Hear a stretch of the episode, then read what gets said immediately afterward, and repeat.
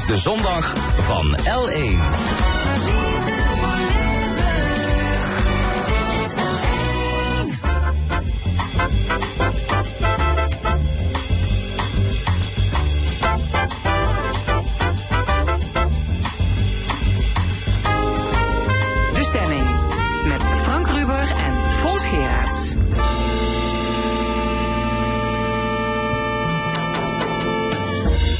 Welkom bij de stemming. Komende woensdag kunt u naar de stembus voor het kiezen van provinciale staten. En daarom houden we ons derde en laatste lijsttrekkersdebat.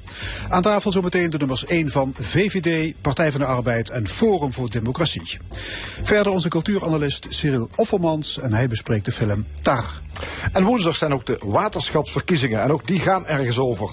In het tweede uur een debat tussen de lijsttrekkers van Waterbelang Heuveland en Water Natuurlijk. En dan nog een column van Hugo Luiten en het panel discussieert over de bouw van kerncentrales in Limburg en andere actuele zaken. Tot 1 uur is dit de stemming.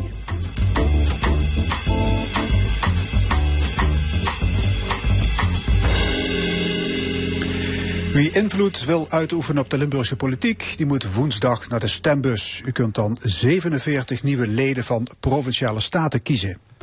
Op het stembiljet staan maar liefst 20 partijen. En om u enigszins wegwijs te maken houden we in de stemming een serie lijsttrekkersdebatten.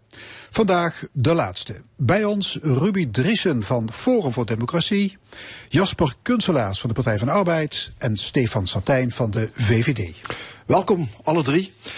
Ruby Driessen van Forum voor Democratie. Uh, bij de vorige statenverkiezingen was u de onbetwiste winnaar. Uh, zeven zetels, hè, al, helemaal nieuw, kwam van, uh, van nul. Ehm, heeft u de afgelopen periode iets binnengehaald waarvan u zegt van, nou, daar ben ik echt trots op? En nou, we zijn natuurlijk heel blij met het provinciaal referendum uh, wat er gekomen is. Uh, dat is wat ons betreft nog niet af. We vinden dat daar wel wat verbeteringen aan plaats kunnen vinden. Dus uh, de drempels moeten wat ons betreft omlaag. het moet toegankelijker worden voor Limburgers om het te doen. Maar het moet ook daadwerkelijk een keer plaats hebben. Het moet natuurlijk wel een keer geprobeerd zijn om te kijken wat voor voeten dat in de aarde heeft. En of partijen zich ook aan de afspraken gaan houden. Ja. dat ze zo'n referendum zouden honoreren als daar een uitspraak wordt gedaan. Ja. Op zich is het opmerkelijk, want u kunt eigenlijk met alles op alles trots zijn. Want u had toen geen programma. Nou, we hadden deels wel een programma, dat was er wel. We hadden wel een, een kopie een globaal, van, het, van, het, landelijke programma. We hadden een globaal programma. Hè. Veel uh, zaken in de provincie, en daar zijn we ook heel open en transparant over, uh, zijn vrij moeilijk als je nieuw in, de, in dat gremium komt. Um, dat zullen meerdere partijen straks hebben. Ja, um, dus ja u, ons... u, werd geplaagd natuurlijk door ruzies, afsplitsingen. Het ging over van alles, maar uiteindelijk stapte bijna iedereen op. En u zit er nu nog formeel met twee mensen daar. Ja, als je nieuw in zo'n gremium komt, dan uh, komen er ook heel veel nieuwe zaken aan. En heel veel dossiers die lopen al. Dus uh, ook op heel veel dossiers moet opnieuw besluitvorming plaatsvinden. Ja, maar hoe, hoe voelt het voor jezelf om bij zo'n chaotische partij te zitten?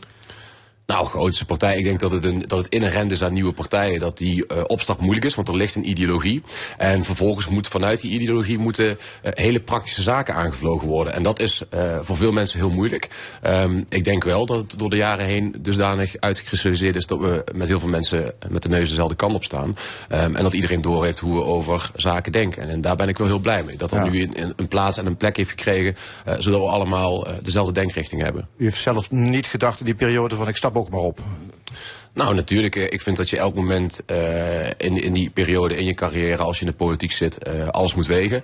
Uh, ook tegen je eigen principes, tegen je eigen normen en waarden. En dat het ook heel belangrijk is om te kijken, past dit bij mij? En is dit de plek, ja. de kant die ik op wil? Ja, er kwam nogal langs. Hè. Racistische appjes, pro-Rusland standpunten, corona-ontkenning. Het was een, een hele waslijst.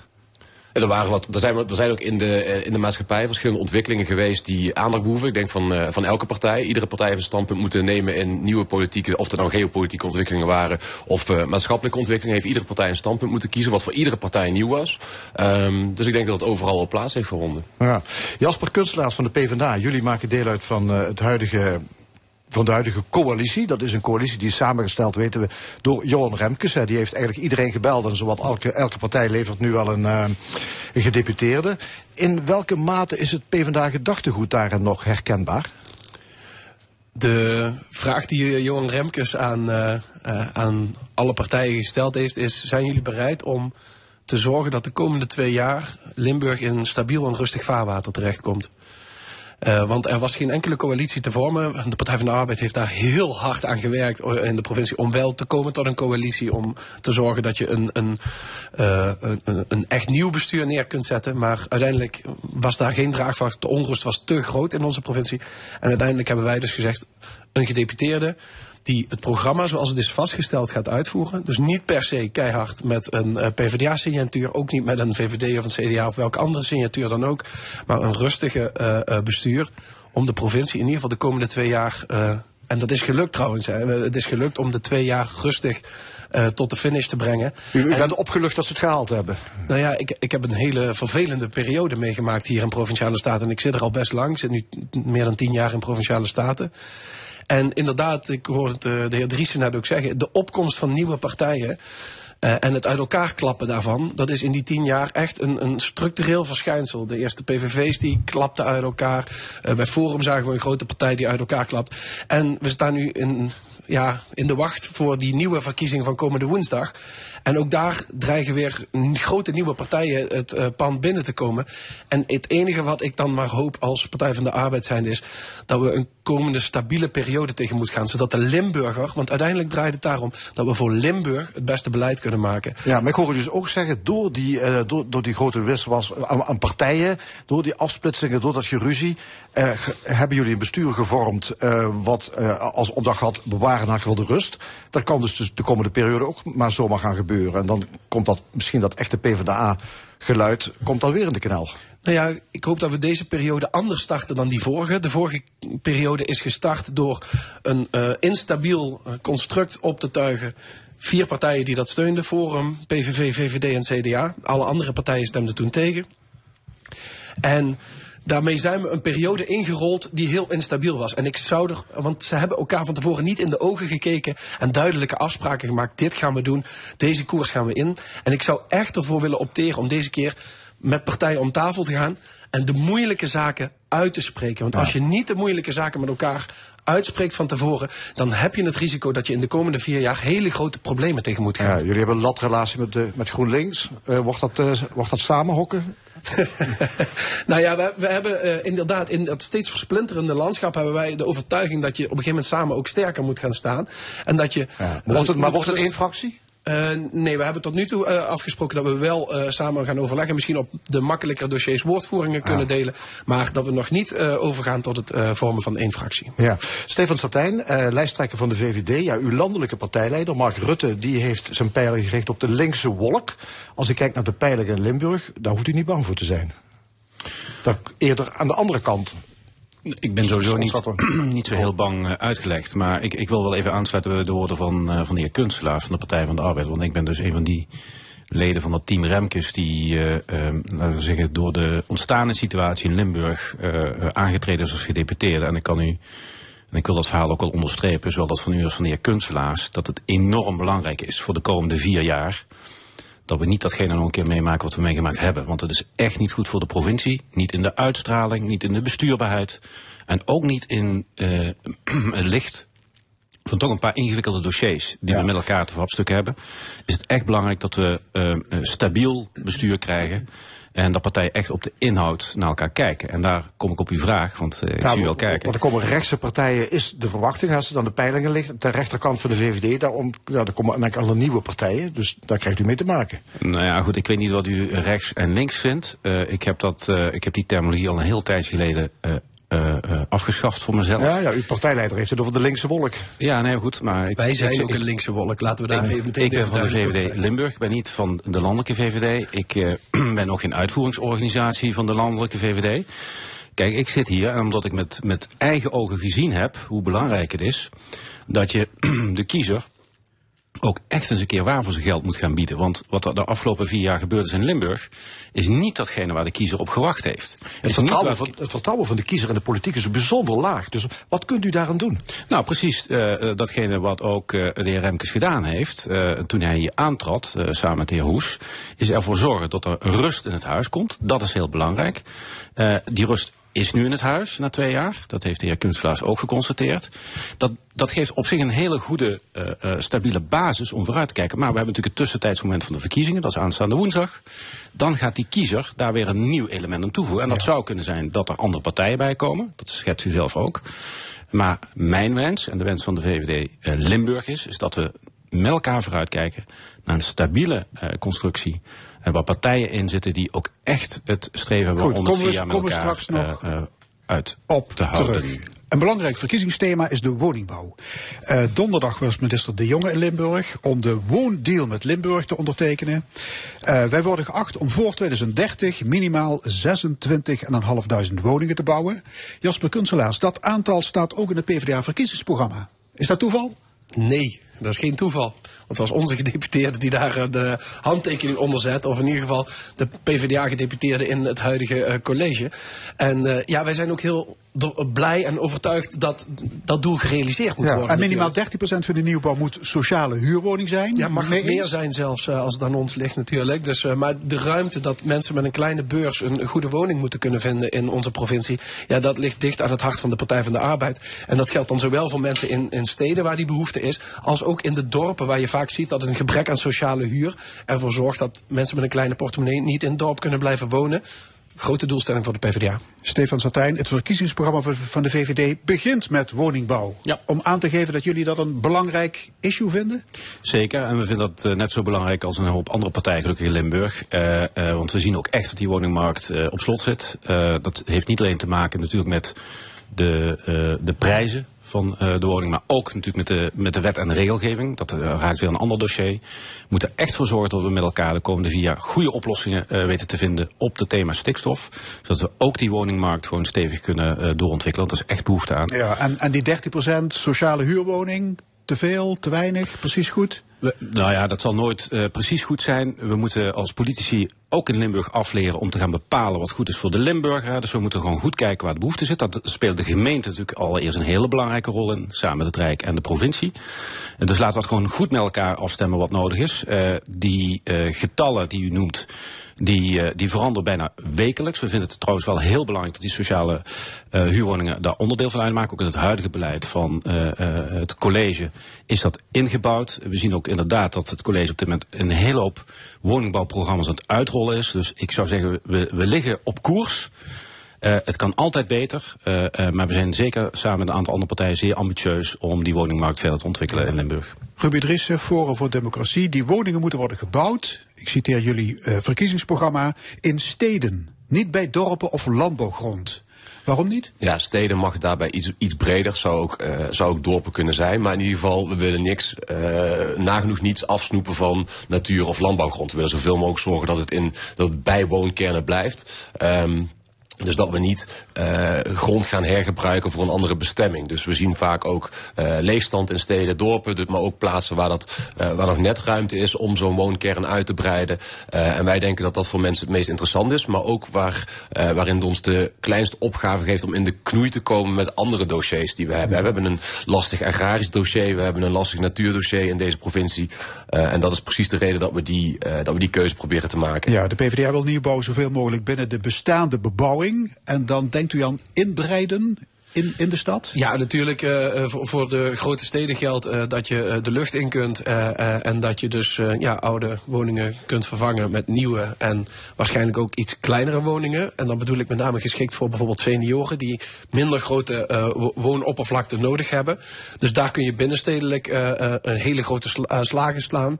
Uh, dat neemt niet weg dat je ook voor de, de nieuwe eensgezinswoningen, en dan met name de duurzame nieuwe eensgezinswoningen, dat je daar ook ruimte voor moet zoeken. Ja, dus het buitengebied gaat eraan, hoe je het ook nee, nee, nee, nee, nee. Ik denk dat daar uh, uh, heel veel mogelijkheden zijn om binnen de contouren die we tot nu toe geschetst hebben, om daar binnen je opgave in te vullen. en mocht het dan de cijfers zoals we die nu hebben vastgesteld, mocht dat niet lukken binnen de huidige planvorming, dan kunnen we altijd kijken of je nog uh, naar het dichtstbijzijnde stuk buiten het dorp of stad. Ja, goed. Uh, maar, maar, de, maar, de, komende zeven jaar moeten dus de nodige woningen uit de grond worden gestampt. Ja, de hamvraag is natuurlijk, komt daar iets van terecht? Alles zit op slot vanwege de stikstof. Ja, wat Ja, ons dat- betreft wel. En daar hebben we ook in ons verkiezingsprogramma... Statijn, VVD? Ja, klopt. Eh, Ja, ik zeg het er even, even bij, dan weten mensen wie, wie het woord is. verstandig. Dat is radio. We zaten ook afgelopen donderdag bij de tv. verkiezingsdebat. Nou, ook dat. Ja, maar volgens mij hebben wij met elkaar afgesproken dat we eh, in ieder geval afgelopen donderdag niet over gaan doen daar wat het over stikstof ging. Ehm, nee, we, we hebben in ieder geval in ons verkiezingsprogramma ook eh, anticiperend op eh, de problemen die zit op het stikstofdebat. Ook gezegd van laten we gewoon ook kijken wat qua innovatie kan in de woningbouw. Dus met, met, met prefab woningen, dat is een Engels woord voor eh, huizen die al voorontwikkeld zijn, voorgebouwd zijn, om die op de locatie eh, op te richten, waardoor je wat ons betreft al een heel eh, groot deel van de stikstofproblematiek op de bouw zelf Oké, kunt maar, voorkomen. maar de PvdA waarschuwt juist voor flexibele bouw, want kwaliteit moet niet worden verwaarloosd. Jazeker. Nou ja, goed, als je een duurzame oplossing wilt eh, voor het probleem op de woningmarkt, dan moet je streven naar woningen die voor de lange termijn natuurlijk goed zijn voor de Limburgers. Dat neemt niet weg dat er een aantal dossiers zijn waarbinnen eh, eh, tijdelijke woning invulling eh, een oplossing zou kunnen zijn. Maar voor het grootste deel van de Limburgers wil je natuurlijk een huis dat je voor in ieder geval een groot deel van je leven kunt blijven bewonen. En dat is natuurlijk iets waar wij mm, in eerste instantie naar streven. En dan ook nog eens liefst op een duurzame manier. Zodat je de problemen die je op andere terreinen hebt meteen hebt opgelost. Ja, we zijn als lijsttrekkers laatst uitgenodigd bij zeggen, de, de bouwsector. Eh, juist om over deze problematiek te, te, te spreken. Eh, en daar zie je dus wel wat er met innovatie, wat die bouwsector kan. En dat kan ik de uh, kunstenaars ook geruststellen. Uh, op dit moment uh, is die bouwsector zo ver doorontwikkeld dat ze echte huizen kunnen bouwen die een lange levensduur hebben. En toch een oplossing bieden, laten we zeggen, voor het mogelijke vergunningenprobleem waar we voor staan. Dus wat ons betreft is dat een, een legitieme kans om met elkaar te gebruiken om die woningbouw heel snel op gang te krijgen. Ja, maar goed, het stikstofprobleem dat blijft. Maar er zijn meer beren op de weg, hè? Stijgende hypotheekrente, bouwmaterialen worden duurder. Willen projectontwikkelaars überhaupt investeren? Komt er geld vanuit Den Haag? Is die woondeal geen luchtkasteel? Het is een heel noodzakelijk streven om naartoe te gaan. Uh, nee, dat snap ik. Maar is het geen en, idee fix? Is het nou, überhaupt haalbaar? Als, als, als ik zie waar, waar, waar, een echte bottleneck zit, uh, als PvdA zien we, uh, als je ziet hoeveel vacatures er uitstaan bij gemeentes om ambtenaren aan te trekken die op het gebied van wonen aan de slag kunnen en willen. Uh, ja, maar die zijn ook niet te vinden, die Ze zijn niet te vinden. Nee. En daar heb je dadelijk wel een opgave om te zorgen dat die vergunningstrajecten met name, om te zorgen dat dat vlot, vlot getrokken wordt. En daar kun je als provincie wel een mooie aanjaagrol in spelen hoor. Dries, komt er iets van terecht? Nou, ik denk dat we met bijna alle partijen wel willen dat die woningen gebouwd worden. Daar gaan we echt niet met elkaar in de haren vliegen. Ik denk dat we allemaal op één lijn zitten. Dat we zeggen, nou, die, deze Limburgers hebben echt deze woningen nodig. Um, is ook belangrijk als we alle verhalen horen van mensen die geen huis kunnen kopen... of die überhaupt geen huis kunnen vinden als ze het huis willen... die veel te lang thuis moeten blijven wonen. Uh, kleine nuance waar ik denk wel uh, een verschil zie tussen ons als FVD en de andere partijen... is wij vinden wel dat een huis echt een thuis moet zijn... en dan een stukje bezieling moet hebben. En um, al dat soort bouw, als we het maar zo massaal mogelijk gaan doen... en één grote eenheidsworst. Um, daar zullen we elkaar niet heel snel in vinden. Uh, neemt niet weg dat we wel graag willen dat, um, dat die huizen daadwerkelijk komen. Maar die kleine nuance van ons is dat we echt weer huizen moeten bouwen die een thuis zijn. En waar mensen inderdaad lang kunnen blijven wonen. Maar wat ook wat bezieling met zich meebrengt. Uh, in de vorm van architectuur. Um, dat is voor ons wel een belangrijke nuance. Satijn, VVD? Ja, ik denk dat die woondeal echt gaat helpen. Want dat was uw vraag. en ik was gisteren op pad in, uh, in, uh, in Gennep. En als je dus spreekt met mensen die bijvoorbeeld alleen wonen in een groter huis, dan zie je wat het echte probleem is. Namelijk dat zij geen volgende woning kunnen vinden en een eigen huis ter beschikking van de woningmarkt kunnen, uh, uh, kunnen brengen. Dus ik, ik geloof in de woondeal. Ik geloof ook in het uh, snel ontwikkelen van, van deze woningen. liefst via prefab constructies. Nogmaals, de bouwsector geeft aan dat het kan. En ik denk dat we dan echt een groot deel van de woningzoekers in Limburg al gaan helpen. Door wat oudere mensen die hun huis echt willen verlaten, omdat het te groot is geworden, dan ook echt een kans bieden om door te verhuizen. Tot zover bedankt. Ruben Driessen, Forum voor Democratie, Jasper Kunstelaars, PvdA en Stefan Satijn, VVD. Jullie blijven zitten, want we praten zometeen verder richting de, volgende, de komende verkiezingen van woensdag. En dat doen we allemaal na Steve Earle met Hardcore Troubadour.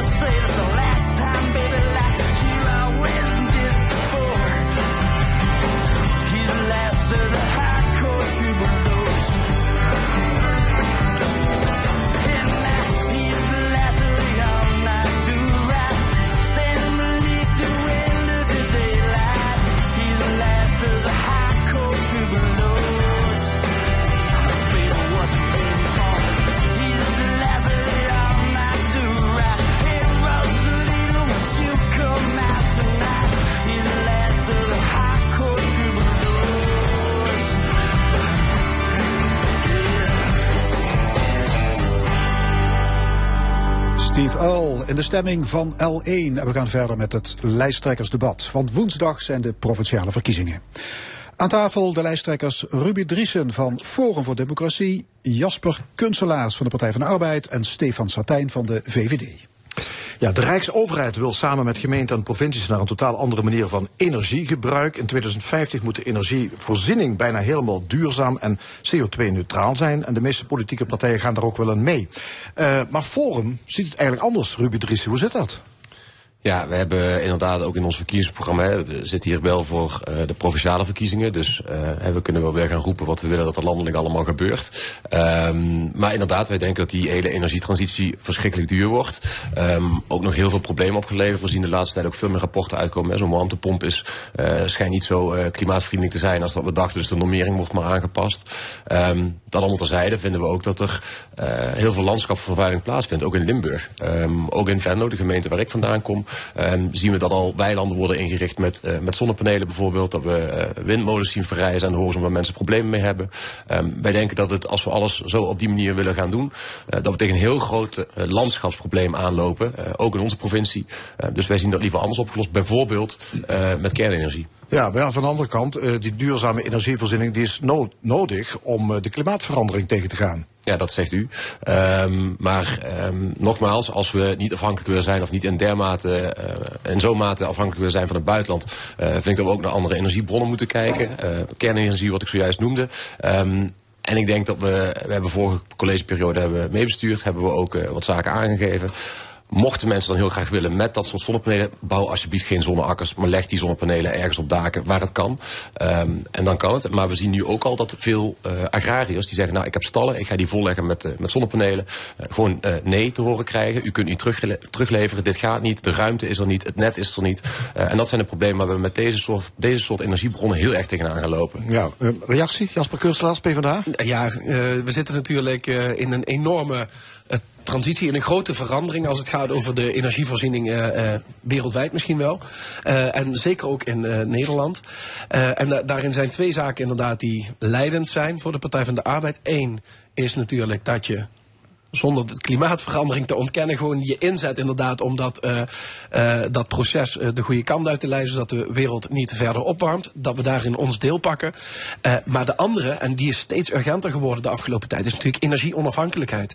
Je wil niet langer afhankelijk zijn van gas uit Rusland, van de olie uit Saoedi-Arabië, uit Qatar. dat is een, een, positie die we steeds minder graag willen innemen. En dat vraagt ook dat wij in Limburg daarin ons deel pakken. Uh, liefst met een zo schoon mogelijke uh, energiemix. Dus dat betekent wind, dat betekent zon. En de voorwaarden die ik net hoor noemen, uh, bijvoorbeeld liefst op daken, top. Dat heeft ook onze eerste voorkeur. Windenergie op de plekken waar dat landschappelijk zich toelaat. Dus bijvoorbeeld niet in het Heuvelland in, in Zuid-Limburg. Ja, dat zijn wel voorwaarden die wij ook ondersteunen. En dat zijn natuurlijk de, de basisstappen met het uh, uitbreiden van het energienet, die wij de komende tijd met z'n allen moeten gaan ondernemen. Ja, maar weilanden, uh, of zonnepanelen in weilanden, kan het? Uh, Stefan Satijn, VVD? Ja, dan wil ik nog even het VVD-standpunt ook nog even toelichten, als dat mag. Ja. want wij benaderen van een iets andere hoek. Want wat wij namelijk belangrijk vinden is de portemonnee van de Limburger zelf. Want we hebben natuurlijk gezien juist door die uh, energieafhankelijkheid van andere regimes is dat we hard getroffen zijn, onverwacht hard getroffen zijn, dat de Limburgers dat ook in de portemonnee getroffen heeft. Dat wilden we niet meer. Dus we willen ook echt stappen zetten om, uh, om die energiemix uh, te veranderen. Dat willen alle partijen hier aan tafel. wij willen daar wel een element aan toevoegen en dat is, dat is ook kernenergie. omdat we het ook belangrijk vinden dat die verduurzaming op termijn, die gaat zoveel vergen aan, uh, aan opgewekte energie, zodat we dat niet meer kunnen opbrengen met windmolens en met zonne-energie. Ja. En de zonnepanelen, zoals u juist al zei, in de weilanden, dat vinden wij geen goed idee. We vinden het beter om de uh, schaarse ruimte die we in Limburg hebben, om die ook daarvoor op een goede manier in te richten. En dat betekent wat ons betreft ook liefst, liefst bij voorkeur, dus zonnepanelen op de daken en liefst op bestaande daken. Ja, ik hoor u zeggen kernenergie, maar dat is natuurlijk een, dat is een verhaal dat gaat over veiligheid, dat gaat over kosten en dat gaat heel erg lang duren. Ja. Daarmee heb je het probleem niet snel opgelost. We hebben ook nooit beweerd dat daarmee het probleem snel is opgelost. Maar als we nog vijf jaar uitstellen, dan uh, verandert die horizon natuurlijk ook voor die Limburg. Dus we willen echt stappen met elkaar gaan zetten om die, uh, die energiemix die we zo graag willen, zo snel mogelijk te realiseren. En als we nog vijf jaar die zaken uitstellen, betekent dat ook dat dat perspectief voor die Limburg echt verdwijnt. Ja, kernenergie is een oplossing, Jasper Kunstelaars, PvdA? Nou ja, voor kernenergie geldt in ieder geval één ding. Grote kerncentrales in Limburg zijn gewoon uitgesloten omdat dat technisch gezien onhaalbaar is. We hebben te weinig koelwater, dus uh, dat loopt uh, niet zoals je zou willen. En dan is er de experimentele kleine kernreactor waar onderzoek naar gedaan gaat worden. Ook daar is in een aantal andere provincies al van gezegd... niet echt een haalbare kaart, niet echt een haalbaar model. Ik weet dat er een aantal partijen heel graag dat onderzoek willen doen... Hey, aan onderzoek is nog nooit iemand doodgegaan, dus dat kan allemaal prima. Maar het realisme wat daarin zit, dat dat een uh, haalbare oplossing voor Limburg is. Hè? Want ik, ik wil niet zeggen dat op grote schaal kernenergie niet een onderdeel kan zijn van de oplossing. Maar op dit moment is Limburg niet heel geschikt om kernenergie in te zetten. Dat is gewoon een realiteit. En hoeveel energie je wil steken dan in het onderzoeken van die optie, in plaats van in het realiseren van die andere opties. Ja, daarvoor uh, dan zeggen wij van focus nou met name op die oplossingen die reëel zijn en die ook dichtbij liggen. Ja, bovendien zit je met het probleem van het kernafval. Uh, zitten we niet een, een huidig probleem op te lossen? CO2-uitstoot en het afval, dat schuiven we door naar toekomstige generaties. Ja, nou, het, het, kernafval is, zo'n minimale hoeveelheid als we dat vergelijken met de energie die, die we daaruit halen. Um, daar hebben we zelfs met het totale afval wat Nederland produceert, uh, vond dat op het moment geen heel groot probleem. Um, aanhakend op, het, op hetgeen wat de heer Kunstelaar zegt, uh, die kleine modulaire reactors zijn, reactoren zijn voor ons niet alleen belangrijk, omdat dat haalbaarder is dan een grote kerncentrale in, in Limburg, maar ook omdat het een, een innovatieve vorm is. En wij denken ook dat buiten het feit dat je een andere vorm van energie naar Limburg haalt, dat we daar meer mee kunnen, uh, dat het ook belangrijk is dat we van Limburg die innovatieve sector maken. En dat kan ook in de energiesector, in de energiemarkt. En wij denken ook dat het heel belangrijk is als we daarin voorop gaan lopen, dat het ook weer zorgt voor banen, ook weer voor groei en ook weer dat het een interessante regio kan worden voor innovatieve bedrijven om daarbij aan te haken. Hm. Ja, in die hele energietransitie moet de provincie bijvoorbeeld gaan meebetalen aan het aardgas vrijmaken van woningen? Nee. Ruben Driessen, Nee, nee. absoluut niet. Uh, daar zijn wij uh, totaal niet voor. Want we zien ook al de eerste problemen uh, langskomen met het aardgas vrijmaken van woningen. Het, Mijnmaartenproject hebben wij onlangs ook tegengestemd. mensen hebben daar enorm veel problemen mee om hun huis met koude temperaturen warm te krijgen. Ook warmtepompen zien we de laatste jaren problemen mee ontstaan. Ook met de ventilatie in die huizen. Omdat het gewoon totaal niet, niet handig is om te ventileren als het al zo'n als het al moeite heeft met het huis warm stoken. Dus dit aardgas vrijmaken is voor ons een totaal onhaalbare kaart nu. Ja, Jasper Kunstelaars, ligt daar een taak voor de provincie? Nou ja, op sommige, uh, laat ik het zo zeggen, uh, als we woningen energie onafhankelijk kunnen maken, gewoon op zichzelf, dus zelfvoorzienend, dan zou ik zeggen, probeer daarin te investeren. We hebben daar enerzijds leningen voor via, uh, via, via, de fondsen die wij hebben opgetuigd als provincie. En aan de andere kant zie je natuurlijk ook rijksgelden op dit moment naar heel veel wijken. Bijvoorbeeld in, uh, in Venlo, Hagerhof Oost wordt nu geëxperimenteerd met hoe kun je een wijk nu aardgas vrijmaken door warmte te gebruiken, restwarmte. dus ja, ik denk dat je dit soort experimenten mee moet stimuleren. En ik denk dat je moet kijken naar hoe kunnen we zo snel mogelijk zorgen dat de meeste Limburgse huishoudens niet afhankelijk zijn voor hun energie van uh, bronnen van ver weg, maar juist zo dicht mogelijk bij de plek waar ze wonen die energie opwekken. Van de energie naar het openbaar vervoer. in de afgelopen vijf jaar zijn in Nederland 1500 buslijnen verdwenen. en het aantal dorpen zonder buslijn is het sterkst gegroeid in Drenthe en Limburg. Kunstenaars PvdA, moet de provincie actie ondernemen? Ja, uh, ik, um, dit, dit, onderwerp kan ik niet benoemen zo, zonder dat ik mijn collega Berghorst uh, hiervoor een schouderklop geef. Zij is dag in dag uit bezig om voor de buschauffeurs en het openbaar vervoer in Limburg te strijden. Um, en ja, we hebben meer en betere OV-verbindingen nodig, zowel in de dorpen als in de wijken. En we hebben ook nodig dat buschauffeurs die daar werken bij het openbaar vervoer, dat die A, een fatsoenlijk salaris krijgen ja, en goed, daar, ga je, daar jullie niet over. Nou ja, wij zijn maar, wel de, de, concessiehouder en degene die, die, die het uiteindelijk betaalt. Ja. En wij zijn degene die accepteren dat uh, Arriva uh, uh, 880 miljoen winst draait uh, in heel Europa. Maar niet bereid is om de salarissen en, de, en de werkdruk van die chauffeurs te verbeteren. Ja, dus, vraag voor Ruben Driessen, Forum voor Democratie. Is de bus een, een publieke voorziening of een middel om geld te verdienen?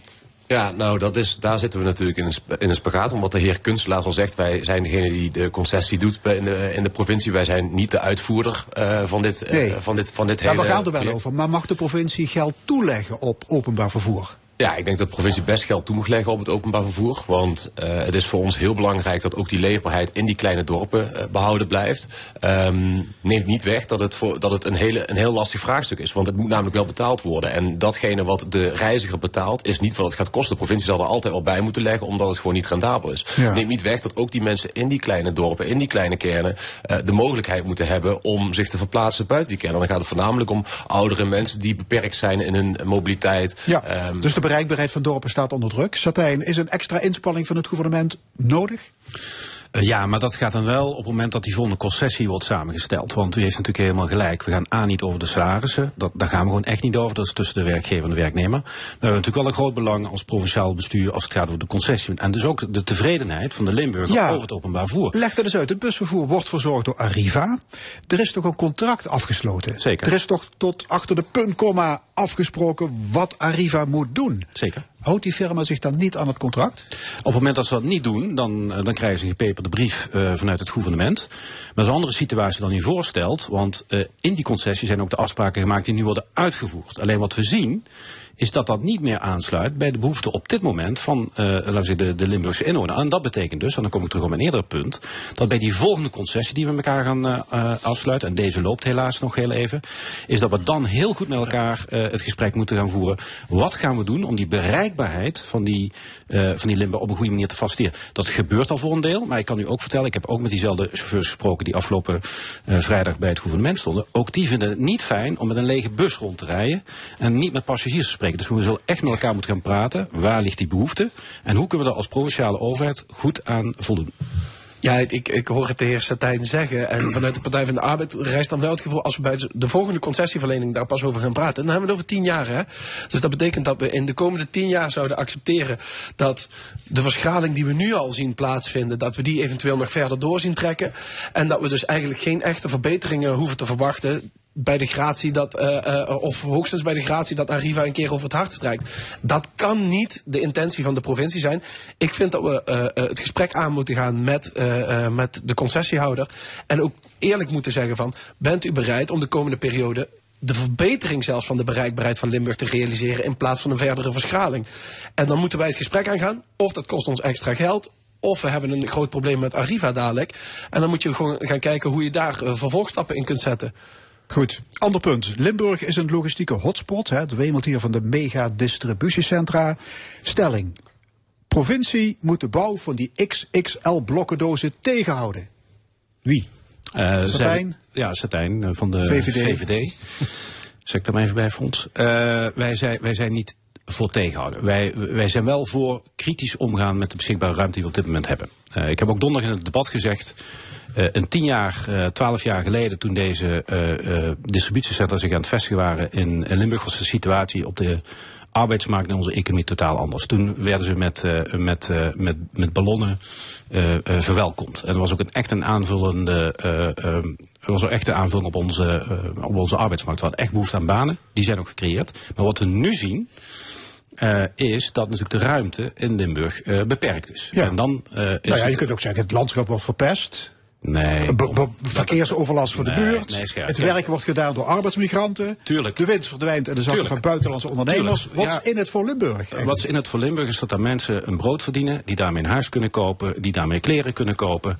We moeten hier echt stoppen met nu de ondernemers van alles de schuld te gaan geven. We hebben dit zelf gewild. Inclusief de partijen die hier rond de tafel zitten. Eén partij was er toen nog niet. Maar, de Maar- tij kan worden gekeerd. Ik geef even het woord aan de de tijd worden gekeerd? We hebben die keuze toen gemaakt, dat hebben we te accepteren. Maar we, we zien nu ook, net als bij het openbaar vervoer, dat de situatie nu veranderd is. Dus nu moeten we op een andere manier daarnaar kijken. Gewoon realistische politiek voor Limburg. Driesje, Ja, ik, wil, ik wil de heer Satijn hier wel deels gelijk in geven, eh, maar deels ook niet. Ik denk dat we achteraf best mogen concluderen dat dit geen goed idee was. Ehm, deze dit soort bedrijven zijn een enorme maatschappelijke last. ehm, zowel voor, eh, voor overheden als voor de, voor de maatschappij. Eh, en ik denk dat als we achteraf terugkijken dat we best mogen concluderen dat ze ook vrij weinig opleveren. Want inderdaad, de mensen die er werken zijn vaak arbeidsmigranten. Ze hebben een bovengemiddelde last op onze infrastructuur. Ehm, en inderdaad, ze zijn ook nog eens landschapvervuilend en nemen veel plek in. U stelde de vraag, moeten we deze bedrijven dan tegenhouden als ze willen komen? Nou, daar ligt een stukje vergunningverlening natuurlijk en, uh, en bestemmingsplan. Dus daar zou je eventueel mee kunnen. Echt de regels en ze beperken uh, ben ik niet voor. Maar ik denk dat we met z'n allen best wel achteraf mogen concluderen. Dat was misschien geen heel goed idee. Kunstelaars, PvdA? Ja, als uh, de bedrijven de winst pakken in Limburg en de samenleving de last draagt, dan moet je naar een andere oplossing toe. En dat betekent dus dat die bedrijven zich zullen moeten gaan inzetten voor enerzijds betere huisvesting van, uh, van hun arbeidsmigranten. Die zullen de impact moeten reduceren op uh, de Limburgse samenleving. En de overheid zal er naar moeten streven om het aantal bedrijven dat hier zich vestigt ernstig, ernstig terug te dringen. Okay. Woensdag verkiezingen. Um, toch zijn er al verkennende gesprekken gevoerd over de coalitievorming. Oh, ja, ja, heb ik begrepen. Meneer Satijn, de VVD sluit de, PVD, de PVV niet uit. Heb ik dat goed? Ja, dat heeft u goed gelezen in Dagblad de Limburg. Ja, Um, maar een coalitie vormen met een partij die klimaatbeleid weggegooid geld vindt, dat is, vindt u overkomelijk? Ik vind het uh, ondemocratisch en ook onkies om voordat de kiezer naar de stembus is gegaan van alles te vinden over coalities en uitsluitingen. Wij doen dat als Limburgse VVD niet Oké, okay, nou de peiling van Ipsos blijkt dat 62% van de Limburgse kiezers samenwerking met de PVV niet ziet zitten. Ja, ook dat maakt, heb ik gelezen. Dat maakt u verder?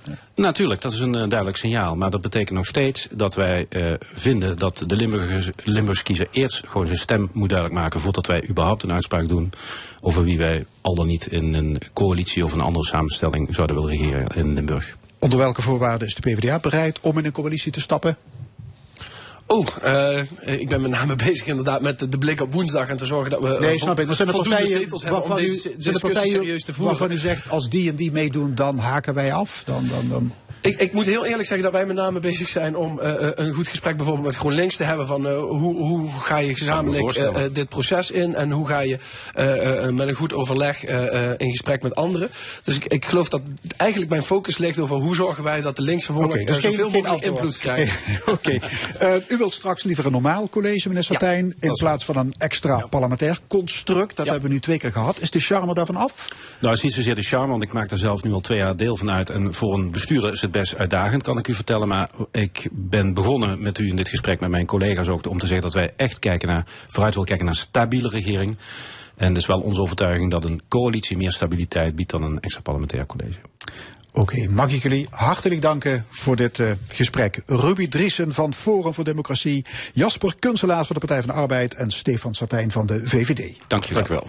En dit is L1 met de stemming. We zijn er nog tot 1 uur. Zometeen bespreekt cultuuranalist Cyril Offermans de film Tar. En dat doet hij na Roy Orbison, Blue Angel.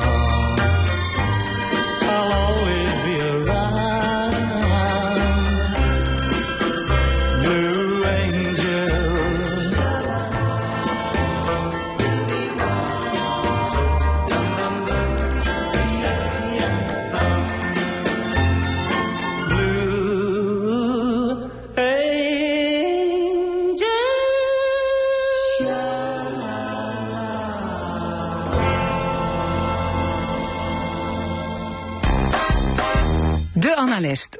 Vandaag onze cultuuranalist Cyril Offermans. Goedemorgen, Cyril. Goedemorgen. Ja, jij uh, wil het hebben over de film Tar. Het is een film uh, die heel veel publiciteit krijgt op dit moment. Hij Zeker. draait ook op, uh, ik zag op verschillende plekken op dit moment. ook heel veel aandacht trouwens voor de hoofdrolspeelster, Kate Blanchett. Ja. En ehm, terecht dat zij al de credits krijgt trouwens. Ehm, nou, wel terecht dat ze veel aandacht krijgt, maar dat ze alle credits krijgt, dat is ook trouwens niet het geval, maar dat, dat zou ook niet terecht zijn. Nee, maar wel veel, hè? Wel veel, ze is natuurlijk een geweldige actrice. En um, ze is ook heel bekend van vorige Zeker. rollen die ze natuurlijk ook uh, fantastisch gespeeld heeft. Dus, en, de, en, deze film duurt ruim 2,5 uur. En zij is haast permanent in beeld. En ze is werkelijk groot. Ze is echt een uh, buitengewoon goede rol. Ja. Maar um, de regisseur mag niet uitgevakt worden. Die is veel minder bekend en wordt ook veel minder uh, geïnterviewd en dergelijke. Uh, maar het is een man, uh, het is een Amerikaan. Uh, die heet Todd Field. Ik moet zelf altijd even denken hoe die ook weer heet. Todd Field. Um, niet zo heel erg bekend, vooral ook omdat zijn laatste film inmiddels al meer dan tien jaar geleden is uh, verschenen. Maar de man heeft niet alleen de film geschreven, maar heeft hem ook geregisseerd en geproduceerd. En wat mij betreft een fantastische, in een, op een fantastische manier. Dus hij verdient wel degelijk ook alle lof voor dit werkstuk. Ja, bij deze genoemd dan. Ja, uh, ja misschien moet je even uitleggen. Uh, Tar, daar hebben we het over, die ja. film. Ja. Um, kun je in het kort uitleggen, waar gaat die film over? De film gaat over een uh, vrouw van de jaren 50 die dirigent is van, uh, van, van een klassiek orkest dus. Hè, die in, uh, op het toppunt van haar roem is, zou je kunnen zeggen. Ze heeft in Amerika, ja, want het is een Amerikaanse, ze heeft in Amerika zo ongeveer alle grote orkesten onder haar hoede gehad. ze, ze gaat nu naar Europa. De film speelt ook voor een belangrijk deel in Europa. Met name in Duitsland en nog meer met name in Berlijn. Want Duitsland en Berlijn worden in het algemeen in de wereld van de klassieke muziek als het toppunt, het walhalla van de klassieke muziek beschouwd. En um, zij is bezig met een opnamereeks van um, de symfonieën van Mahler. Dat is sowieso in de wereld van de klassieke muziek zo'n beetje het hoogste wat je kunt bereiken. Dan, dan meet je je met de allergrootste dirigenten. En ze gaat daarvoor, uh, ze moet nog één van de negen symfonieën opnemen. En daarvoor gaat ze naar Berlijn om daar met de Berliner Philharmoniker te spelen. Maar gaandeweg blijkt um, dat die vrouw niet alleen een heel charismatische vrouw is, een knappe mevrouw ook wel, mag je rustig zeggen, indrukwekkend in veel opzichten, maar dat ze ook de zeg maar, de negatieve kantjes heeft, springen niet onmiddellijk in het oog, maar ze blijkt toch ook wel te manipuleren, manipulatief karakter te hebben. Um, ze trekt mensen voor, ze is ook soms buitengewoon onaangenaam, maar dat, dat, daar schrik je van, want dan ben je eigenlijk niet, uh, in de loop van het verhaal krijg je eerder het idee van dat, dat ze alleen maar heel erg goed is. Maar dan blijkt dat ze wel degelijk ook een soort meg megalomane trekken heeft, die uh, tegen haar gaan werken, en waar ze ook op een gegeven moment nerveus van wordt, dat die haar gaan achtervolgen, dat ze dingen heeft gedaan die niet in de haak zijn. Nou ja, de film werkt uiteindelijk toe naar de val van die vrouw.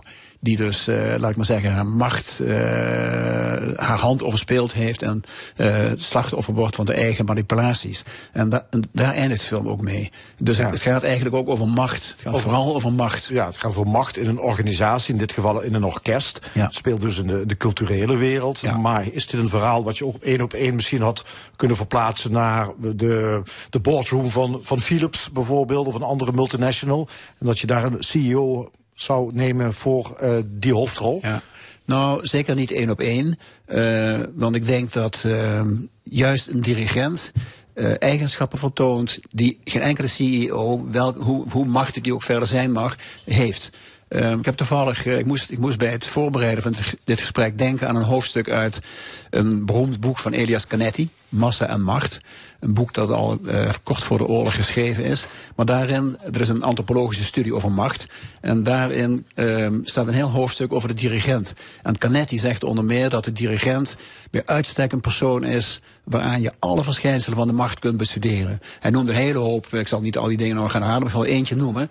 Uh, een dirigent is iemand die um, als enige uh, de, partituur van een heel, tenminste als het een symfonie, een groot orkest is, heeft hij de partituur van alle uh, uitvoerende muzici voor zich. Terwijl alle muzikanten, alle muzici zelf telkens alleen maar hun eigen partituur kennen.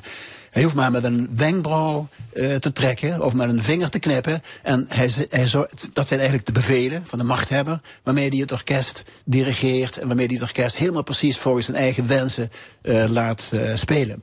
Dus um, nou ja, zo zijn er een hele hoop specifieke trekken die wel in een uh, dirigent, machtsaspecten zou je kunnen zeggen, die wel in een dirigent te observeren zijn, maar die niet zomaar bij elke willekeurige, of überhaupt niet bij een willekeurige CEO zijn uh, te, waar te nemen. Dus, de, dus je kunt de film niet zonder meer. Uh, het gaat wel over macht, maar is wel degelijk ook gekoppeld aan de macht van een dirigent bij een groot orkest. Ja, Cyril, er is kritiek op de film, met Ja. name van feministische zijde. Eh feministen vragen zich af, waarom moet die dirigent, hè, een Max Wellusteling, waarom moet het een vrouw zijn?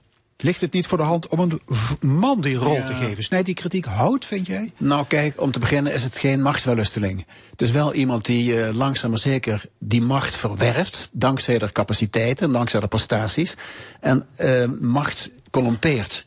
Dus als je, als je naarmate je machtiger wordt, neem je de rol van de machthebber ook over. En ga je je misschien ook wel een beetje meer dan je wil zo gedragen. Dus het, is geen, absoluut geen machtswellusteling. Uh, pas na verloop van tijd merk je dat die vrouw ook vervelende trekjes aan de positie ontleent. Maar daar moet je goed voor kijken, daar moet je goed voor opletten. Dus dat, dat ligt er niet duimendik bovenop. Dat is ook een van de redenen waarom de film zo goed is. Dat je dat pas gaandeweg merkt.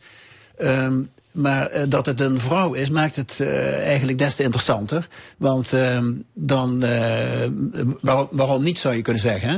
Het blijkt Nou ja, er wordt gezegd, er zijn al zoveel vrouwen van middelbare leeftijd die voor heks worden uitgekreten. En dan ook nog eens Ja, maar ze wordt in niet voor- in zijn film. Ja, ze wordt niet voor heks uitgekreden. Dus, het is een, ik denk dat ongeveer. Het, het is natuurlijk zo dat verreweg de meeste voorbeelden van dirigenten die de laatste jaren over de schreef zijn Ja, gegaan. dat waren mannen. Dat waren mannen, dat Ja. klopt.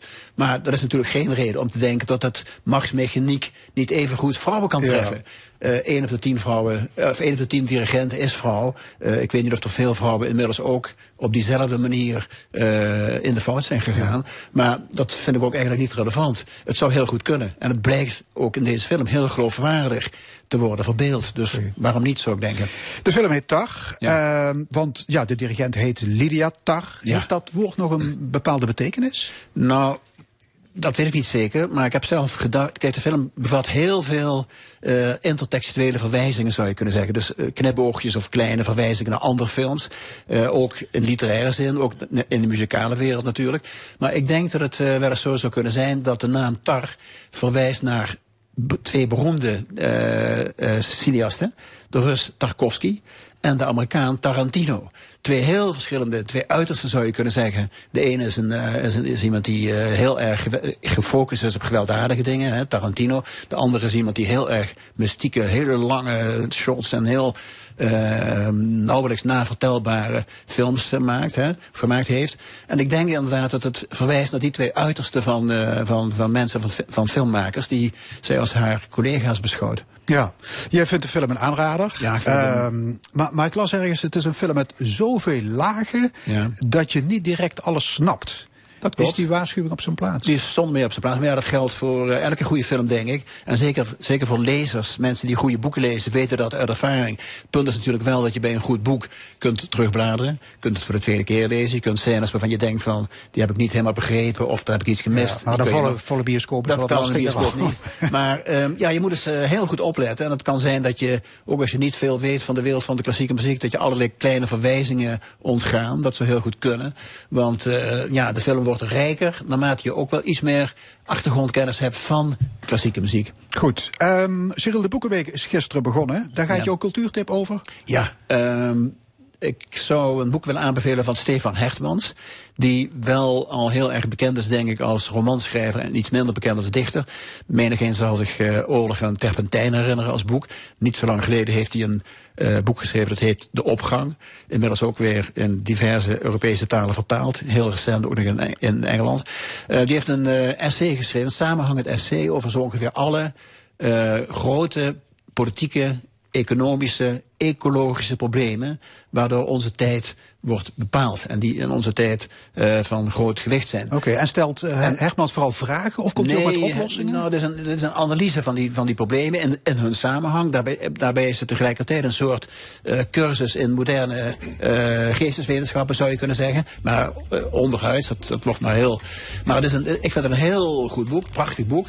het bevat geen stemadvies, maar ik denk dat iedereen die het boek gelezen heeft... onmogelijk meer op een hele hoop partijen kan stemmen... omdat die allerlei, allerlei problemen totaal verkeerd zien. En, ja. verkeerd en zijn toon is niet pessimistisch, heb ik Zijn toon is niet pessimistisch, maar uh, ja, hij is, is, gewoon een hele heldere stylist. Hè, dus het is gewoon een hele goede schrijver. Ja. In dit geval ook. Verschuivingen heet het boek. Ja. Aanbevolen. Verschuivingen van uh, Stefan Hermans. Oké, okay, Cyril Offermans, cultuuranalist van dienst. Hartelijk dank. Geen dank, graag gedaan. En na het NOS-journaal van 12 uur nog een politiek debat in de stemming. Nu tussen twee lijsttrekkers die meedoen aan de waterschapverkiezingen. Want die zijn er woensdag ook nog. Dan zitten Josette van Vers hier voor Waterbelang Heuveland en Peter Peter Vrij van Water Natuurlijk.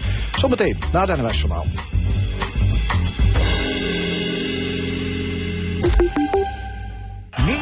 maart. Wat een veerkracht. De spelers dalen de trap Prachtige goal van Maya Yoshida. De koel is er klaar voor. Steun VVV in de Limburgse clash tegen Rode JC. Prachtige kopbal van Venema. Koop nu je tickets. Samen nog boven. Voor elke keukenwens en elk budget is EKS Keukenstudio het adres. Ontdek de laatste trends van kwaliteitsmerken voor de beste prijzen. En profiteer van het lagere Duitse btw-tarief. ekskeukens.nl Terwijl grote bedrijven en supermarkten extreme winsten maken, doet dit kabinet niets aan de stijgende prijzen. De SP wil de winsten inzetten om de BTW op uw boodschappen te verlagen. Ook energie willen we weer nationaliseren, zodat winsten niet naar commerciële buitenlandse bedrijven gaan. Het moet en het kan anders. Stem 15 maart SP. Zonder gedoe, verkocht. Ik wil van mijn auto af.nl met een Raymond waterontharder smaken koffie en thee nog lekkerder. Laat je verrassen op RaymondWaterontharders.nl Hey Annabel. Hey Joost. Hey, wat ga jij stemmen op 15 maart? Ja, ja 21 natuurlijk, wat anders. Rechtse koers, realistische plannen? Ben ik van, want het moet echt anders. Zo is dat. 15 maart, stem. Ja 21. Stem op 15 maart dus ja 21. Rechtse koers, realistische plannen.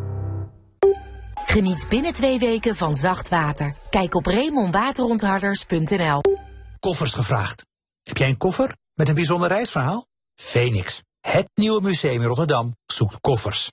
Kom naar de inzameldagen in Rotterdam, Almere, Leeuwarden, Eindhoven, Heerlen, Zwolle en Middelburg. Kijk voor de data en aanmelden op phoenix.nl slash koffers. Tot dan.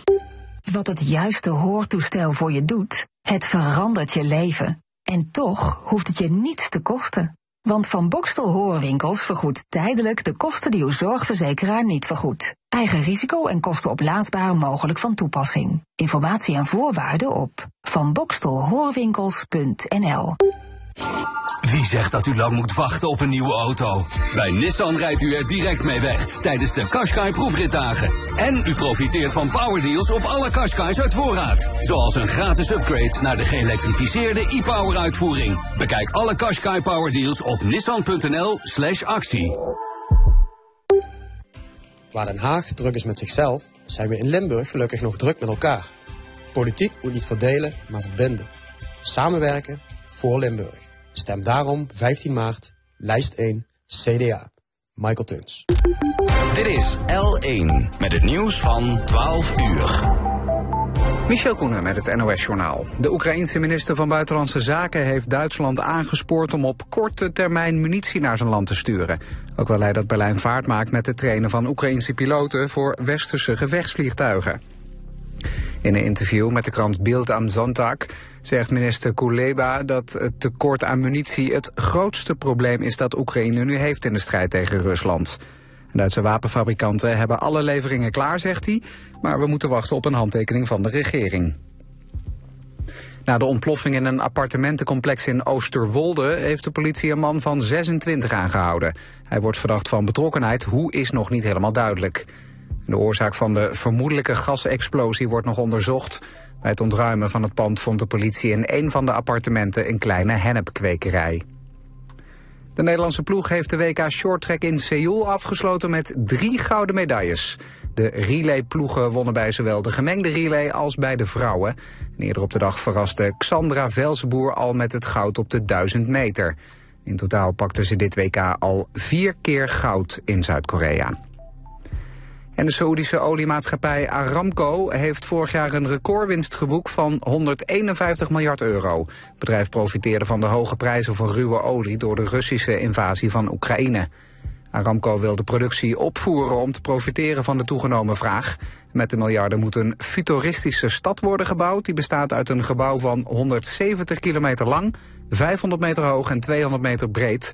Kroonprins Bin Salman wil dat de stad een centrum van wereldhandel en toerisme wordt, zodat zijn land in de toekomst zonder de olieinkomsten kan. Het weer nog. Vanmiddag is het droog en in het zuidwesten raakt de bewolking, maakt de bewolking plaats voor zon. Het wordt 7 tot 12 graden. Morgen eerst regen, later zon. En door een harde zuidwestenwind temperaturen tussen de 14 en 17 graden. Dit was het NOS Journaal. Oh, mijn rug. Rugpijn, stenose of hernia? Kijk dan snel op herniaweg.nl. Weet jij welke risico's jouw bedrijf loopt? Met advies van Hoeimakersgroep uit Kessel weet je waar je staat. De partner voor bedrijfsrisico's en zakelijke verzekeringen in Limburg. Persoonlijk en deskundig. Kijk op hoeimakers.nl. Onze provincie Limburg kan beter. Iedere dag BB Beter. Jouw stem maakt het verschil. Stem voor gezond verstand. Stem BBB. Voor jouw provincie, voor jouw waterschap. 15 maart is jouw dag. Hoeimakersgroep. Al 40 jaar een begrip in verzekeringen en risicoadvies. Dit is het moment om je stem van het platteland van Limburg te laten horen. Stem 15 maart BBB. Iedere dag BB Beter. Knibbel, knabbel, knuisje. Wie knabbelt er nou een huisje? De Belastingdienst. Want jaarlijks betalen ruim 2 miljoen mensen te veel WOZ-belasting. Dus u misschien ook? Doe nu de gratis WOZ-check. 1 minuut van uw tijd kan u zomaar 300 euro opleveren. Ga naar eerlijkewoz.nl.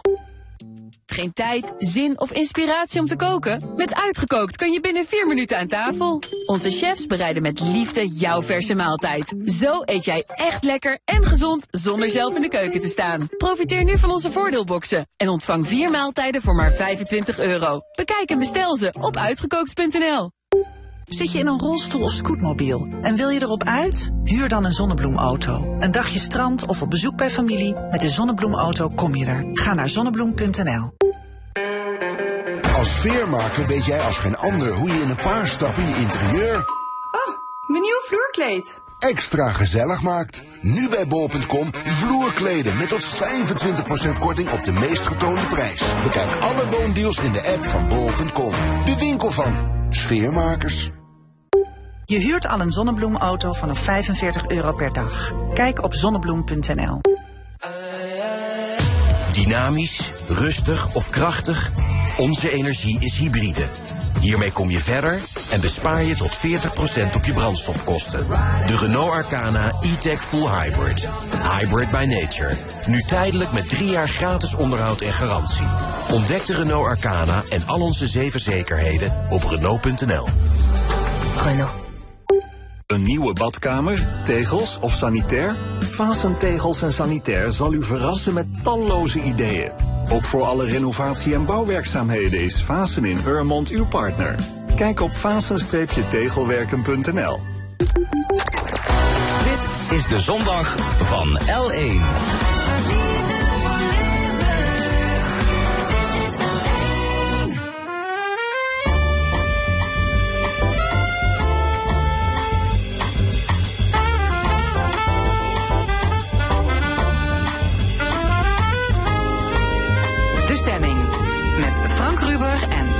Fons Goedemiddag en opnieuw welkom bij De Stemming. Wat allemaal in dit tweede uur. Straks het panel met Gabrielle Heijnen, Cor Bosman en Loek Hustings. Zij discussiëren over klassenverschillen, boerenprotesten, kerncentrales en andere actuele zaken. Dan ook een column van Hugo Luiten, maar eerst de waterschapsverkiezingen. Daar kunt u komende woensdag ook voor stemmen. U bent toch in het stemhokje, dus dat kan in één moeite door. Het waterschap is het oudste, maar ook het meest onbekende bestuur. Behalve als de belastingaanslag in de bus valt, dan weten we het weer. Maar ze gaan wel ergens over. Denk aan de voorjaarsdroogte, de kletsnatte winters en natuurlijk de watersnood van juli 2021. Bij ons de lijsttrekkers van de twee grootste partijen. Josette van Wersch van Waterbelang Heuveland en Peter Vrij van Water Natuurlijk. Goedemiddag. Josette van Wersch, als mensen u vragen wat doet het waterschap, is dat in één zin uit te leggen? Het waterschap eh, zorgt ervoor dat er steeds uh, voldoende water is, dat wij droge voeten houden, dat we veilige dijken hebben en dat we schoon water hebben. Ja, en op dit moment uh, is kletsnat in Limburg. Heel veel geregend heeft het. En ik heb het zelf gezien, de Maas staat heel hoog, hè, de waterstand. Dus uh, dat betekent bijvoorbeeld verhoogde waakzaamheid bij het waterschap met deze waterstand. Wij hebben inderdaad uh, onze, onze, inspecteurs die zijn echt buiten alles aan het inspecteren. Het zijn overigens de normale winterse buien. Ik begrijp de onrust hè, naar aanleiding van de watercrisis in 2021. Maar het zijn de normale buien. En er is geen reden tot onrust onrust op dit moment. Uh, wat we zien is dat de grondwaterstanden nu wel verhogen. Dus we zijn ook best wel blij met die regen. Uh, want de grondwaterpeilen zijn nog steeds niet op het niveau wat ze moeten zijn. U noemde net de droogte. Uh, en daarom zijn we blij dat het water nu inderdaad stijgt. En zijn we blij met de regen. Ja, misschien is zo'n hoogwatergolf, denk ik, golfje. vlak voor de waterschapsverkiezingen. Dat is natuurlijk wel een cadeautje eigenlijk, hè? nou, ik denk niet dat de gemiddelde burger dat als zodanig ervaart en ook niet direct denkt aan het waterschap als er een keer een, een hoogwater in de Maas komt. dat, is, dat is gewoon, dat is normaal. De Maas is een regenwater, regenrivier en uh, die ja, stijgt en daalt met het regen. We moeten het niet groter maken dan dit. Nee, het is ook nog helemaal niet groot. Nee. Uh, Peter Vrij, de waterschapsverkiezingen die worden ook nog al eens uh, geridiculiseerd. Ja, dat komt natuurlijk door de onbekendheid van het waterschap. Uh, we zijn er met z'n allen hard mee aan het werk om, om die bekendheid te vergroten. En het wordt ook steeds belangrijker, het waterschap. Er zijn steeds meer ingrijpende zaken waar het waterschap invloed op kan uitoefenen. Daarmee wordt het ook politieker, daarmee wordt het ook financieel ja. belangrijker voor de burger. En daarmee dus ook uh, belangrijk dat men weet wat het waterschap doet. Ja, nou ja, toch als je op een feestje gaat vertellen dat je enthousiast bent over het waterschap, word je altijd een beetje meewarig aangekeken, lijkt mij. Dat bevordert de feeststemming meestal nee, niet. Nee, oké, okay, nou laten we het dan hier doen. Uh, waterbeheer, u zei het al, uh, ja, het wordt politieker, maar ik denk, het is ook een heel technisch verhaal. Dus dijken aanleggen, onderhouden, water zuiveren dat, dat, dat, kun je dat niet gewoon overlaten aan ingenieurs? Nee, het is veel meer dan techniek. En dat is misschien ook wel het grote verschil tussen partijen die deelnemen aan die verkiezingen. Wij benaderen uh, het water als een systeem, als een samenhangend stelsel van zaken, dingen die elkaar beïnvloeden. Als je kijkt naar ons landschap, dat is in honderdduizenden jaren gevormd op een natuurlijke wijze. Wij zijn er als mens in geslaagd om dat in 100 jaar tijd volledig te veranderen. Door uh, met name heel veel te doen aan ontwatering om daarmee de landbouw te dienen. Langzamerhand komen we erachter dat dat niet de beste keuze is geweest. Dat we daarmee zoveel in dat systeem in beweging hebben gebracht dat we nu echt moeten gaan ingrijpen. Nou, en dat is wat water natuurlijk bepleit. We moeten fors ingrijpen op een menselijke wijze om daarmee onze omgeving en onze toekomst en zeker die van onze kinderen te redden. Ja, als het gaat, het zijn dus politieke keuzes hoor ik hier. Uh, Josette van Wers van uh, Waterbelang, Heuveland. Politieke keuzes die gaan over, over geld, over ruimte, over macht. Dat soort zaken spelen dus ook in het waterschap. Uh, als ik kijk naar on onze partij Waterbelang, uh, is een algemene partij. Die dient het algemeen belang. Hè. Die dient het belang van alle uh, categorieën die we in het waterschap hebben. Dat is de natuur, zoals de heer Vrij aangeeft. Maar dat is ook de landbouw, dat is ook, zijn ook de bedrijven. En niet in de laatste plaats de ingezetenen. En wij hebben de verantwoordelijkheid om datgene wat we gekregen hebben, om dat op een goede manier door te geven aan ons nageslacht. En eh, daarom dat wij vanuit het waterbelang ook echt inzetten op uh, voldoende water, schoon water en uh, droge voeten. Um, en dat alles in samenhang en in samenspraak en samenwerking met alle partijen. Want iedereen moet daar op zijn eigen manier een steentje aan bijdragen. Ja, het gaat om de 30 leden van het algemeen bestuur. Ja. Tot voor kort waren negen zetels gereserveerd voor boeren, natuurorganisaties en bedrijfsleven. Uh, in die zogenoemde geborgde zetels is het mes gezet. Is dat in democratisch opzicht een verbetering, Peter Vrij? Ja, absoluut. Water natuurlijk. Absoluut. Twee van de partijen die ons steunen, GroenLinks en D66, hebben daartoe het initiatief genomen. Eigenlijk met het idee om alle negen geborgde zetels af te schaffen. Want wat is er democratisch aan mensen die niet gekozen kunnen worden? Niets. Dus in die zin is dat een absolute stap voorwaarts. Helaas. Ja, even, even naar mevrouw Van Bergs. Wat is er democratisch aan mensen die niet gekozen kunnen worden? Um, ik zou het niet willen benoemen als zijnde democratisch gekozen. De bedoeling van de geborgde zetels was dat die partijen als de landbouw en bedrijven uh, zeker waren van een stem in dat waterschap. En het waterschap is een uitvoeringsorganisatie, dus ik kon het wel volgen. Vrij? Uh, nou, waterschap is veel meer dan een uitvoeringsorganisatie. We zijn steeds meer een beleidsorganisatie aan het worden. Vandaar dat die politieke keuzes ook belangrijker worden. Ja, er zijn nu vier geborgde zetels overgebleven. Twee voor de natuur, twee voor de boeren. Ja. Dus we kunnen woensdag 26 van de 30 algemeen bestuurders vrij kiezen. Dus dat is een mate um, van democratie, dat is 26 dertigste. Dat begint ja. aardig in de buurt te komen van 30 dertigste. Oké. Okay. Wat ons kunnen, betreft kunnen die laatste vier ook nog afgeschaft okay, worden. Oké, helder. Uh, mensen kunnen in Limburg een keuze maken uit 18 partijen, maar de helft bestaat uit waterbelang. Waterbelang Venray, Waterbelang Midden-Limburg, Heuveland, negen stuks. Mevrouw Van Werks, waarom komen jullie niet met één lijst? Uh, Stichting Waterbelang heeft er destijds voor gekozen in 2008 om vanuit de regio's, de regiovertegenwoordigingen uh, in te zetten op negen lijsten.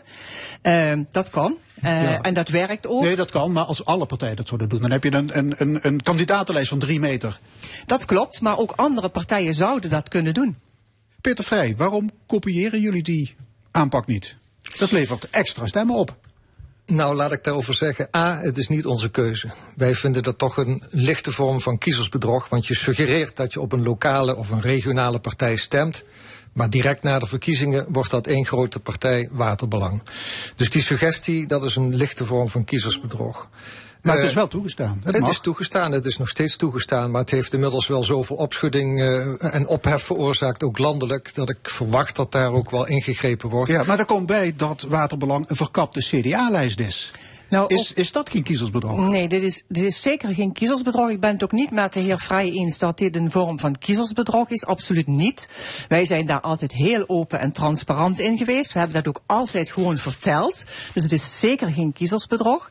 Um, wat betreft de leden die op de lijsten staan, ja, daar staan CDA-leden op de lijst, maar er staan ook leden op de lijst die niet CDA ja, zijn. En van andere is partijen. van het CDA. Ja, alle, alle, dus... alle negen lijsttrekkers zijn of waren actief voor het CDA.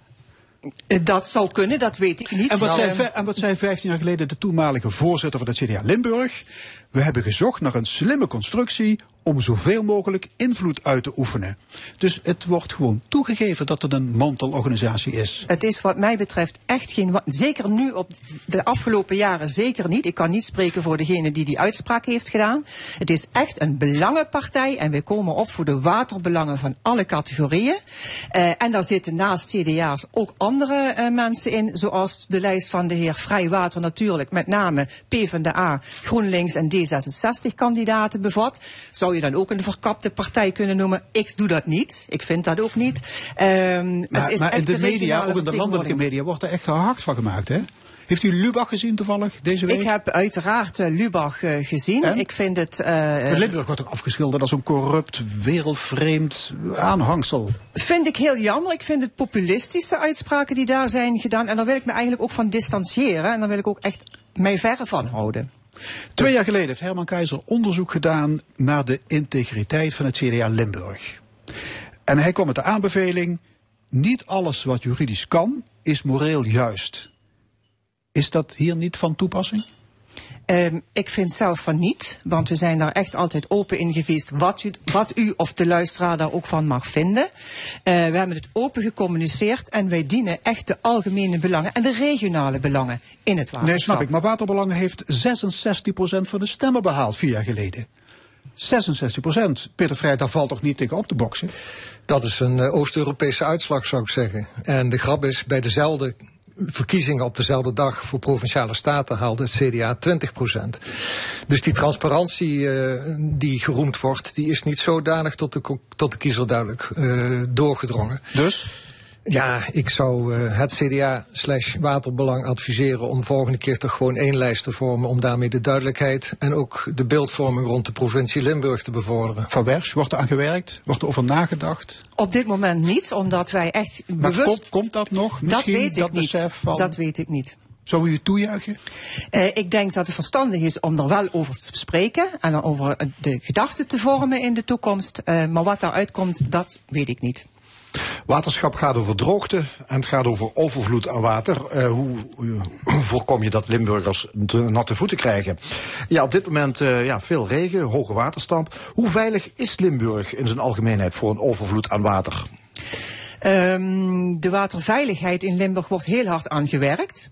Uh, we hebben de watercrisis gehad in uh, juli 2021 en dat kan morgen bij wijze van spreken ja, weer watercrisis, gebeuren. overstromingen. De overstromingen. Ja. Uh, we, als waterschap zijn we heel hard aan het werk met het programma Water in Balans om de wateroverlast aan te pakken. Ons algemeen bestuur heeft erin toegestemd dat we zelfs de projecten die we voor 2050 op de rol hebben staan, dat we die gaan uitvoeren voor 2035.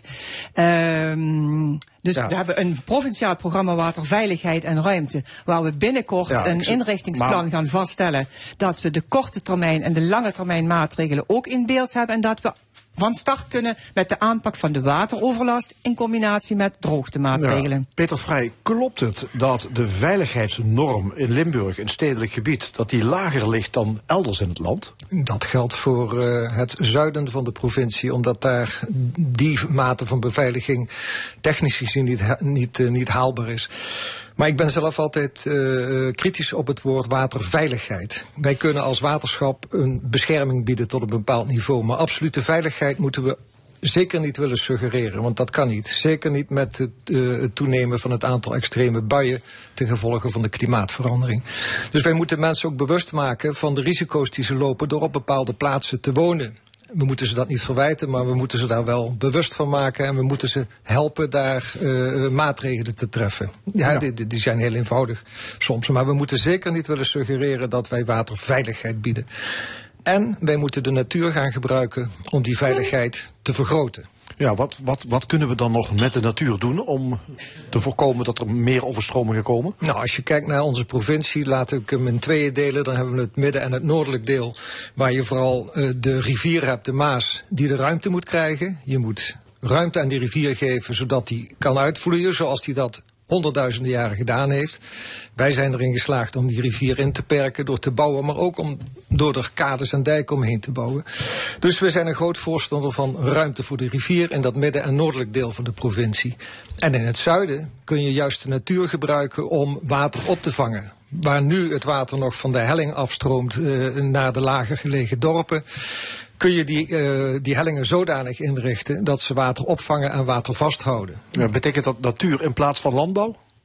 Uh, dat betekent een andere manier van landbouwbedrijven, met name, maar ook meer natuur. Ja, Josette Verwers, is dat een goed idee? Uh, we, we, zullen samen met alle partijen aan de slag moeten om inderdaad ervoor te zorgen dat we voldoende water vasthouden. Dat zal een combinatie zijn van natuurmaatregelen en agrarische maatregelen. Zijn we op dit moment ook echt hard aan de slag.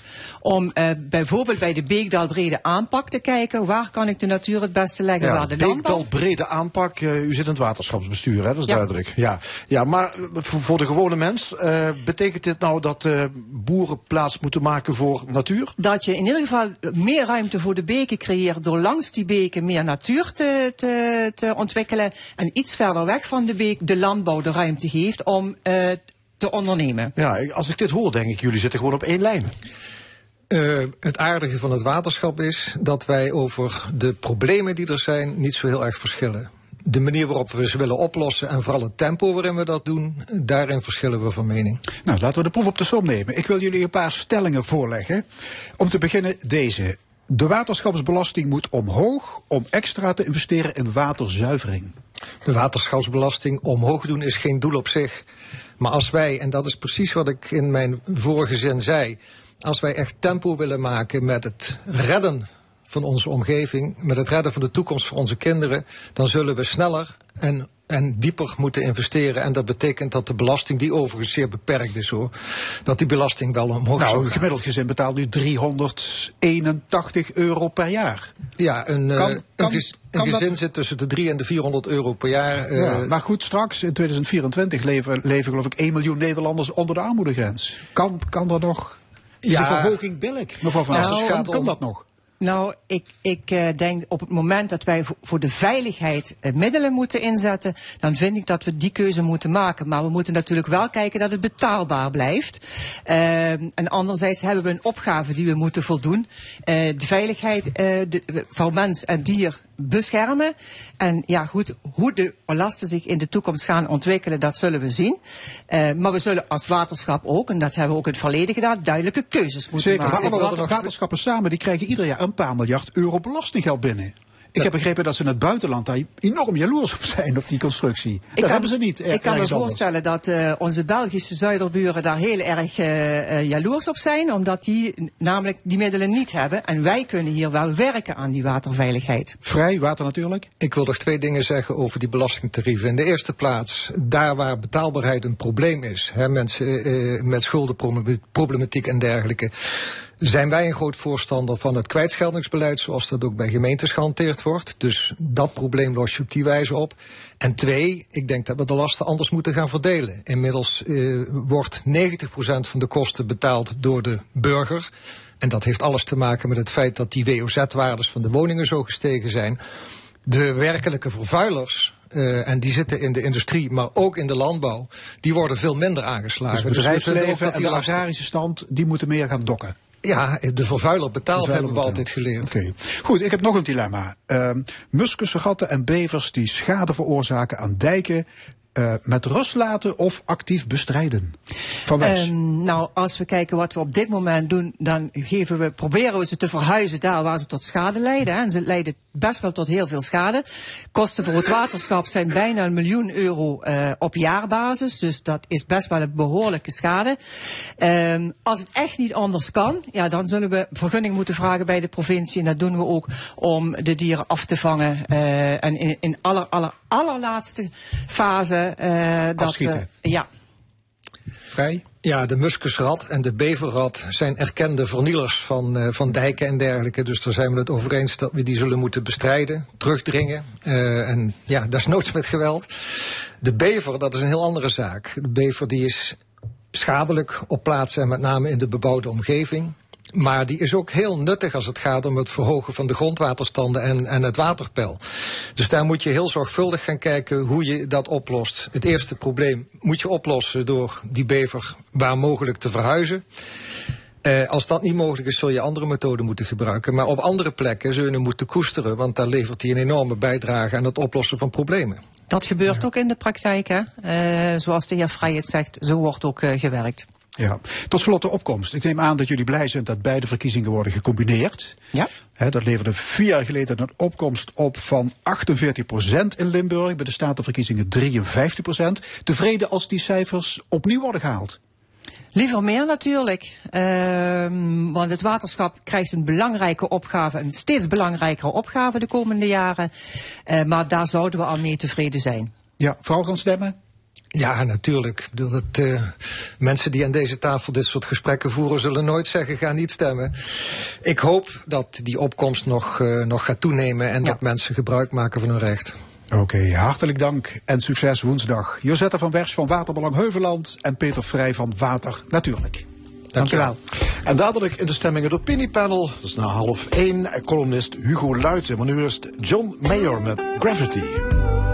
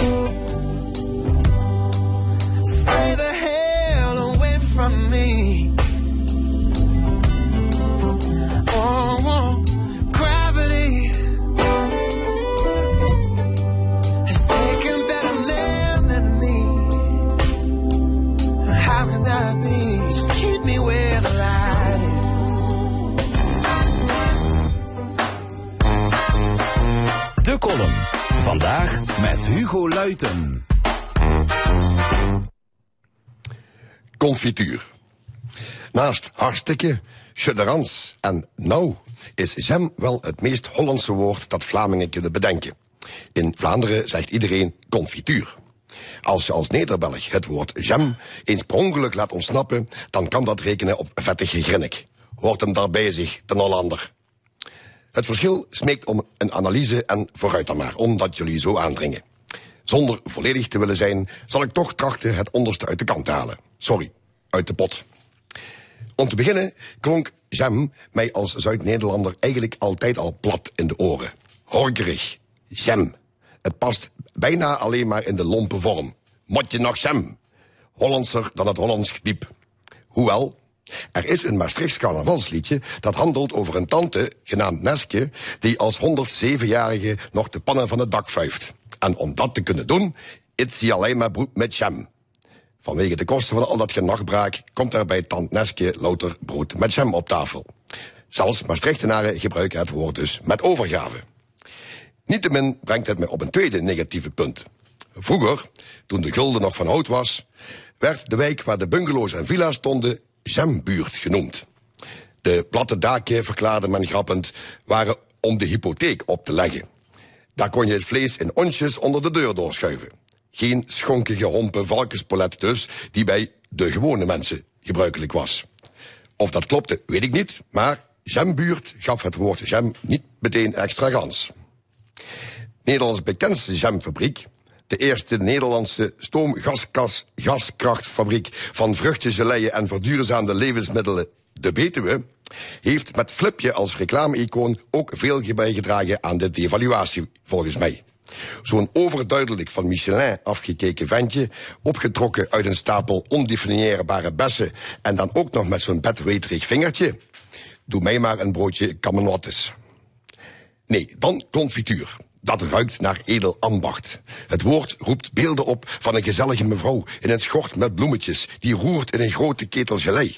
Of aan een grote stapel oude veilingkisten die de keuken worden binnengedragen door een goed lachse meneer met een grote snor en een alpinopet. Een berg vers geplukte Vruchten op een rood-wit geblokt tafellaken, zoiets. Handwerk, dat met ijver, vlijt en plichtsbetrachting het meest eenvoudige ontbijt verheft tot een vorstelijke dis. Confituur klinkt naar verfrissend en creatief, naar slow food. Terwijl jam zonder enige twijfel alleen maar uit een stoom-gaskrachtfabriek kan komen. Ik heb niet eens de oorsprong van het vermaledijde woord kunnen ontdekken. Volgens mij komt het van het Engelse jammed, iets dat vastzit, zoals dat drommelse dekseltje altijd. Maar daar hebben zelfs de Belgen nog niks op gevonden. De column van Hugo Luiten. En tot slot van de stemming is er weer plek voor het opiniepanel. Vandaag over de acties van boeren, Extinction Rebellion, de klassenmaatschappij Nederland, kerncentrales en de TFAF. Ik stel aan u voor de deelnemers, de Maastrichtse CDA-fractievoorzitter Gabrielle Heijnen, winkelier Cor Bosman en communicatiespecialist Loek Hustings.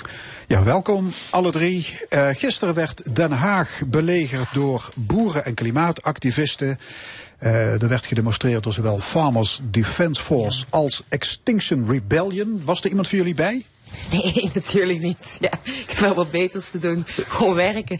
Nee, maar ik, ik vind. Wat beters te doen? Ja, ik vind uh, uh, boeren. Uh, mij stoort het heel erg dat er nu boerenprotesten van wordt gemaakt. Hè. Dat Farmers Defence Force had het natuurlijk wel georganiseerd. Maar eigenlijk niemand weet uh, hoeveel achterban die hebben. En in het begin, die werken dus met appgroepen. Hè.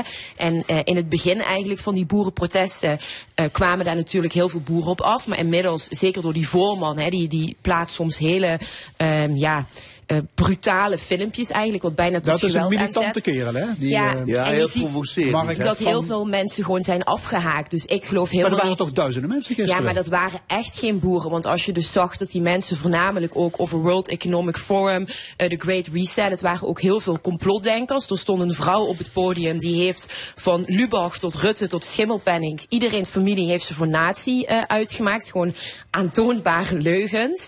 Eh, dat ging echt niet meer over het stikstofprobleem. Daar stonden hoofdzakelijk gewoon een groep eh, complotdenkers. Is ook heel zorgwekkend, vind ik. Ehm, maar ja, ik, ik vond dat echt geen boerenprotest. Luc Hustings, Ja, mee eens? ehm, eh, ik, ik, eh, zo goed geanalyseerd als Gabriel niet. Maar ehm, ik vond wel dat Holland was een last, met name Den Haag.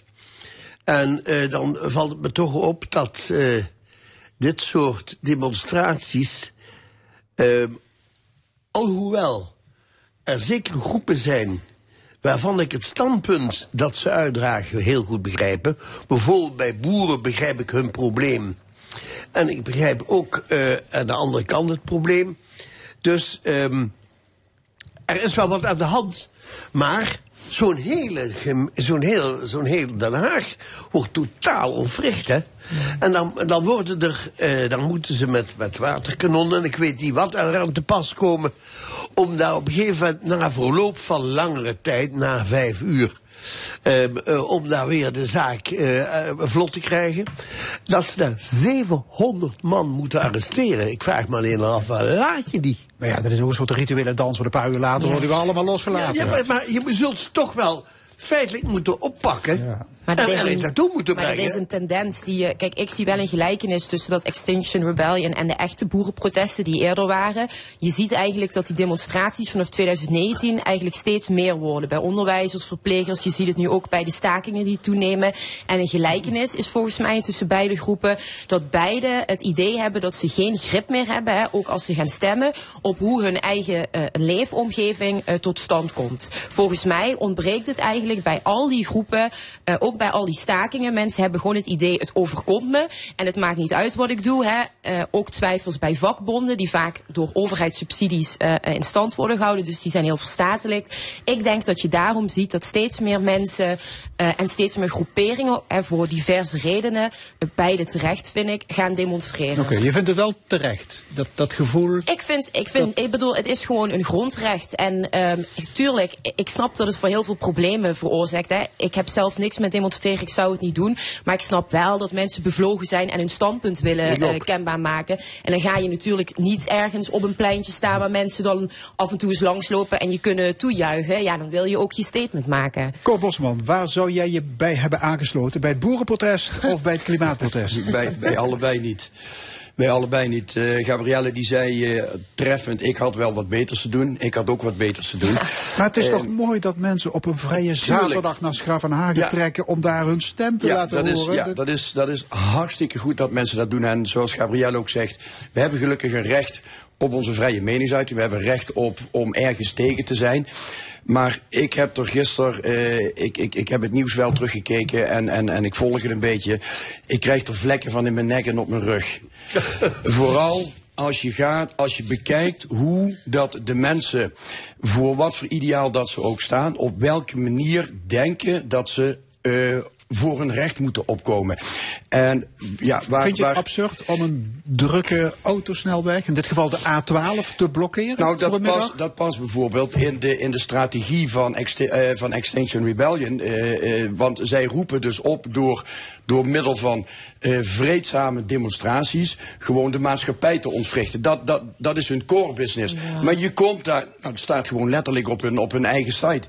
Maar je komt daardoor niet tot een oplossing. En wat je dus nou ziet van de ene kant staat er eh, eh, Farmers Defence Force, eh, Extinction Rebellion. En zo zijn voor alle soorten van waar ik het niet mee eens ben, zijn er protestgroepen. Alleen ieder zit in zijn eigen bubbel. We kijken alleen maar waar kan ik mijn gelijk halen. Sorry voor mijn stem. Waar kan ik mijn gelijk halen? Maar in plaats van te kijken van waar kunnen wij elkaar vinden om samen tot een gedragen oplossing te komen. Maar is Want dat de schuld? is- Is, dat de schuld van die demonstranten of van de politiek? Want Nee, dat is- draagvlak creëren, dat is dus het probleem. Er wordt geen draagvlak gecreëerd bij beleid en niet gekeken naar wat, wat vindt men nou eigenlijk en heeft Ja. men eh, daar ook eigenlijk eh, inspraak in gehad hoe je leefomgeving verandert en hoe bepaald beleid tot stand komt. Dan gaan Maar je mensen kunt toch nooit iedereen tevreden stellen? Nee, maar dat het gaat over kernenergie. Nee, heb je voor- en Nee, maar dat- tegenstanders. Nee, maar daar moet ik Nee, maar- wel gelijk mee eh, eh, Nee, maar het gaat niet om tevreden stellen. Het gaat, als ik nog één ding mag zeggen, het gaat erom, hè, bijvoorbeeld een rechter, een raad van state, grijpen nu tegenwoordig Eh, niet alles is juridische legitimiteit. Het gaat ook om politieke en morele keuzes. Eh, sommige Europese verdragen, akkoorden, dat snappen heel veel mensen niet. Die hebben dan zoiets, ook al is het dan misschien democratisch gegaan, die hebben zoiets van, daar heb ik helemaal niet ehm, eh, voor gekozen. Modellen, zoals nu we zien bij het stikstofbeleid met Arius, hè, heel technocratisch via modellen wordt beleid eh, ehm, uitgerold. En dan zeggen beleidsmakers, ja, weet je, de rechter zei, of, of, of politici, de rechter zei dit. Ja, en het model zegt dit. Ja, dan hoeven we nergens meer wat van te vinden. Ik denk dat mensen dat heel, heel storend vinden. Luc Hustings. Ja, daarbij komt dat ehm, je, je. eh, Ik probeer me altijd een beetje te verplaatsen. Bijvoorbeeld in de positie van zo'n boer. Die is het hele. Die is een hele bedrijf naar de kloten ziet gaat. Hè? Dat al generaties ehm, eh, door zijn familie ehm, wordt verzorgd. Eh, de volgende generatie staat al klaar. Heeft de opleiding al achter de rug om in te springen. En eigenlijk. Eh, want vijf jaar geleden had nog geen mens van stikstof gehoord. Eh, eh, van de ene dag op de andere, zo gezegd. Nou ja, Probleem dat- speelt wel ik- heel maar Luc, de natuur gaat toch ook naar de kloten? Ik bedoel, Dat weet is ik toch wel, dat weet ik nodig wel. om Maar kijk, dingen, nee, maar nu, dit zijn hele erge tegenstellingen. Dus de boer verdwijnt en de natuur gaat naar de kloten. Daar zit een enorm genuanceerd iets in. Bepaalde, eh, be- bepaalde soorten en de biodiversiteit gaan erop achteruit. Bepaalde gaan ook heel goed. En ik vond laatst die aflevering van op één bij de EO. Hè, die zaten daar bij een boer. Je zag ook boswachters. Je zag eh, eh, provinciale politici. Niet die landelijke die zich steeds zo mee bemoeien. En dan kwam het eigenlijk tot een heel genuanceerd gesprek. Waarin je zag dat iedereen zich bewust was van er moet iets gebeuren. En ook wel eh, perspectief zag. Ehm, en natuurlijk zijn er wel meningsverschillen. Maar eh, het wordt de hele tijd geromantiseerd, zeg maar. En, en ook heel eh, alsof, alsof morgen de wereld vergaat, zeg maar. Dat wordt er ook telkens van gemaakt. En dat is gewoon niet zo. Ja, en dat is dus juist wat ik net probeerde te zeggen van iedereen zit zo in zijn eigen bubbel om te kijken van waar kan ik mijn gelijk halen, waardoor er niet meer gez- gezocht wordt naar een gedragen oplossing. En wat je dus gisteren zag, eh, en zo wordt het dan ook in beeld gebracht, dat is ook de kracht van de media. Aan de ene kant heb je die vreedzame boeren, zo kwamen ze in ieder geval bij mij over, die hadden gewoon een, een schoolreisje. eh, eh, die, boeren daar, hè, die, gingen, die gingen daar gewoon, die gingen daar vervolgens weer gewoon naar huis toe. En aan de andere kant had je de, de, de, de rebellistische partij. eh, en en je, je versterkt daardoor alleen maar de, tegen, eh, de tegenstelling. Terwijl dat ik dan net weer hoor dat, dat vanuit, eh, als je het op een andere manier belegt, Kijk, dat dan iedereen wel eh, de noodzaak eh, inziet van dat er iets moet worden gedaan. Alleen ze weten niet hoe en wat. En dat vind ik jammer. Oké. Eh, ander onderwerp. Nederland is lang niet zo egalitair als wij vaak denken. We leven in zeven sociale klassen met grote onderlinge verschillen. Het blijkt uit een onderzoek van het Sociaal Cultureel Planbureau. Hebben jullie de indruk dat wij in een klassenmaatschappij leven hier? Ja, eh, kijk, ik denk inderdaad dat de ongelijkheid, als je het bijvoorbeeld vergelijkt met een Amerika, daar is het natuurlijk veel zichtbaarder dan hier. Uh, maar ik denk wel dat die ongelijkheid, en dat laat dat uh, rapport ook wel weer zien, uh, die is hier zeker wel. Um, en ik denk ook dat die verder zal toenemen als we er niks aan doen. Een heel groot punt vond ik in dat rapport was de vermogensongelijkheid. Dat was iets wat werd gezegd van pak dat nou aan. maar sta je ook niet blind alleen maar op um, ja, zeg maar de economische verschillen. Uh, dus stel je voor, je hebt iemand hè, die, uh, zeg maar de eerste jongen of meisje in het gezin of in de familie die naar de universiteit gaat, dan wil dat alsnog niet zeggen dat die bijvoorbeeld die goede baan krijgt, omdat ook cultureel en sociaal kapitaal uh, meespeelt. Hè. Dus wie ken je en bij welke groep pas je? En dat, hoe, hoe kun je je presenteren? Ja, dat wil dus alsnog niet zeggen ja, dat je dan zeg maar op, op, op gelijke hoogte komt. en ik denk dat wij er wel vaak zo naar kijken, ook bijvoorbeeld als het om armoede gaat. Er wordt dan nu gezegd, en dan is iedereen terecht ook, maakt zich zorgen, uh, we gaan uh, meer armoede krijgen. Uh, dan houdt armoede dus in een eenpersoonshuishouden 1553 euro. Hè, daar werd ook gezegd, je kan nog wel eens af en toe naar de dierentuin gaan. Ja, dat is natuurlijk veel te um, ja, sec, zeg maar, om op die manier ernaar te kijken. Het is een veel breder iets, ongelijkheid. Ja, ja, en dat is natuurlijk best wel moeilijk. Hè? Want we, het oplossen van die financiële uh, armoede is al, is al een opgave. Maar ja, dat hele culturele kapitaal wat een bepaalde groep niet heeft... om, om je dan hoger op te werken... Dat krijg je niet opgelost. Dat, is, dat, gaat, dat krijg je na verloop van tijd...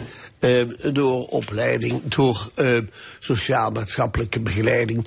kun je daar verbeteringen aanbrengen. Maar voordat hoe zoiets werkt, ben je volgens mij twee, drie generaties verder. Tuurlijk. Maar het wil niet zeggen dat je niks moet doen. Maar dat gaat niet zo van, van op stel en sprook. Dat is toch al een proces hoor. Ja, als je een, een, een leuk netwerk weet op te bouwen, dan ben je er nog niet, zeg jij dus? Nee hoor, nee hoor. Um, uh, laten we zeggen, punt 1. Je zegt als je een leuk netwerk weet op te bouwen, daar begint het probleem al. Je bent zelf misschien wel, je hebt zelf misschien wel behoefte aan een netwerk, maar in dat netwerk moet men ook behoefte hebben aan jou. En daar begint het wisselwerken al. Als je, je onbekend, als je al onbekend bent, zeg je, we weten niet wie dat is, al is het een briljante geest. Ja, maar als je bijvoorbeeld al begint bij de jongeren, gewoon bij het onderwijs bijvoorbeeld. Hè. Als je nu ziet dat vaak, um, voor een mooi voorbeeld in Utrecht, dat je dan allemaal GroenLinks stemmers, die waren dan wel voor diverse scholen, maar vervolgens wilden ze wel hun kind allemaal naar die school sturen, zeg maar, uh, die goed was. Uh, daar zul je op moeten inzetten, want je ziet al dat het vanaf jongs af aan, dat uh, bepaalde kinderen in arme wijken helemaal niet meer in aanraking komen met de kinderen in de rijke wijken. Dus begin inderdaad eens met het onderwijs, begin huiswerkbegeleiding voor iedereen mogelijk te maken, maatschappelijke dienst als ze wat ouder zijn. Zodat je ook ziet dat er andere mensen dan alleen maar mensen in jouw eigen bubbel bestaan. Um, zo kun je de sociale cohesie, want, daar gaat het uiteindelijk dan om, uh, versterken, denk ik. Ja, want de verschillen tussen groepen die worden voor een groot deel veroorzaakt eigenlijk door discriminatie en pech. Komt het daarop neer? Mm. Cor Bosman? Nou, dat durf ik niet te zeggen. Ik heb het uh, rapport uh, niet tot achter de komma gelezen. Ik heb het wel, ik heb het wel doorgelezen. Uh, ik vind het goed dat er geconstateerd wordt dat er in Nederland verschillende klassen aanwezig zijn. En ik ben het helemaal met Loek eens, dat ga je niet oplossen. Ik vraag me überhaupt af of je dat wel per se moet willen oplossen. Dat is één. Tweede, wat, ik, eh, eh, wat mij enorm stoort, is dat er gepraat wordt over kansenongelijkheid. Ik vind namelijk dat wij in Nederland iedereen dezelfde kansen, primair dezelfde kansen bieden. Alleen. Nou, dat, en, dat vinden wij eigenlijk allemaal in Nederland. Hè? Iedereen ja. moet dezelfde kansen krijgen. Alleen nee, maar ik vind, ik, ik, vind ook dat, ik vind ook dat die kansen er zijn. Alleen, dan krijg je het verschil enerzijds tussen theorie en anderzijds praktijk. ja. En Daniel, of uh, Gabriel, die gaf er al een heel goed voorbeeld van. Dat de vuile hypocrieten van GroenLinks in Utrecht, dat ze A zeggen en vervolgens, ja maar not in my backyard. Ja, en dan, Nou. dan begint eigenlijk het probleem van hoe gaan wij die kansen, die, die zogenaamde kansenongelijkheid wegnemen. En hoe gaan we dat eh, eh, stevig inbedden in onze maatschappij. Ik denk dat dat voorbeeld even van die GroenLinks mensen dat niet het juiste was, maar wel van die persoon die, We wel, die, op- die wel die opleiding heeft afgemaakt. Dus dan zeg je, oké, je hebt wel dezelfde kans gekregen, maar vervolgens er alsnog niet tussenkomt, omdat hij niet dezelfde mensen kent of op cultureel vlak, zeg maar. Hè, die heeft waarschijnlijk van thuis uit wel een hele grote tv in de woonkamer staan. Alle eh, kinderen van de hoogopgeleide mensen, die, die, die hebben dat niet. Die zijn misschien naar het koor gegaan. Weet je, dat is een hele andere cultuur en mentaliteit. En, dan, en, en tot slot, ik vind het wel een heel groot probleem. En het- je moet het ook als een groot probleem zien als de ongelijkheid steeds groter wordt. Omdat je uiteindelijk als, als maatschappij een probleem gaat krijgen. Mensen hebben minder vertrouwen in de overheid. Dat zie je ook bij eh, het precariaat en die onzekerende werkenden. Dat zijn de laagste groepen. Ja, mensen gaan ni- niet meer stemmen, een groot gedeelte daarvan. En als dat steeds groter wordt, heb je eigenlijk in zijn totaliteit een probleem. Jij zegt dat de problemen groter worden als ik eh, dit rapport en het wordt ook hetzelfde? Dit wordt ook gerefereerd aan rapporten van 2014 en 2020. Eh, daar wordt niet gezegd dat de problemen groter worden, maar de problemen worden ook niet kleiner. Ja, maar Cor, als je net zegt dat een oplossing meerdere generaties duurt, kun je ook niet verwachten dat een probleem binnen vijf jaar tijd extreem groter is geworden. Maar je ziet nu ook bijvoorbeeld kijkende dus naar die demonstraties waar we het net over hadden, dat steeds meer mensen zich eigenlijk niet vertegenwoordigd voelen of het idee hebben dat zij nog een stem hebben. Eh, dat wordt volgens mij wel steeds erger met de jaren. Dus ja, maar ik, vind het geen een- geruststelling dat het in 2014 ook al zo maar was. dat is een hele andere discussie. Dus daarom kom ik nog even terug bij mijn, mijn eerste vraag van. Ik vind het helemaal, of bij mijn eerste constatering, ik vind het helemaal niet erg dat wij verschillende klassen in Nederland hebben. Ik weet tot welke klasse, denk ik te weten, tot welke klasse ik hoor. En ik ben, binnen die klasse ben ik heel tevreden. Maar ik heb dezelfde kansen gekregen als allemaal mijn leeftijdgenoten. Alleen heeft het aan mijzelf gelegen wat ik met die kansen heb gedaan. En dat heeft, dat heeft met keuzes te maken. Ja. Loek Hustings, is het, eh, ik hoor Cor zeggen van het is helemaal niet erg dat we die zeven klassen hebben in Nederland. Nou, dus weet je, het probleem is dat ehm, hoe lager je in die landen zit, hoe moeilijker het wordt om aan die klas te ontstijgen. Precies. Of om, ehm laten we zeggen, je verder te kunnen ontwikkelen. Naarmate je. Eh, want Cor is daar natuurlijk een prachtig voorbeeld van. nee, maar hij ben heeft- benieuwd. Ik ga nee, maar hij heeft bijvoorbeeld. Hij, eh, eh, hij, hij, is, hij is winkelier, hè? hij zit in de middenstand. Maar daarnaast is hij een hele verdienstelijke judoka. En, en, en een getalenteerd sportman. Die combinatie van die twee dingen brengt met zich mee dat de sportman in hem hem leerde om door te zetten, om vol te houden. Ja. Die eigenschap gecombineerd met zijn, niet met zijn ehm, eh, winkelierschap.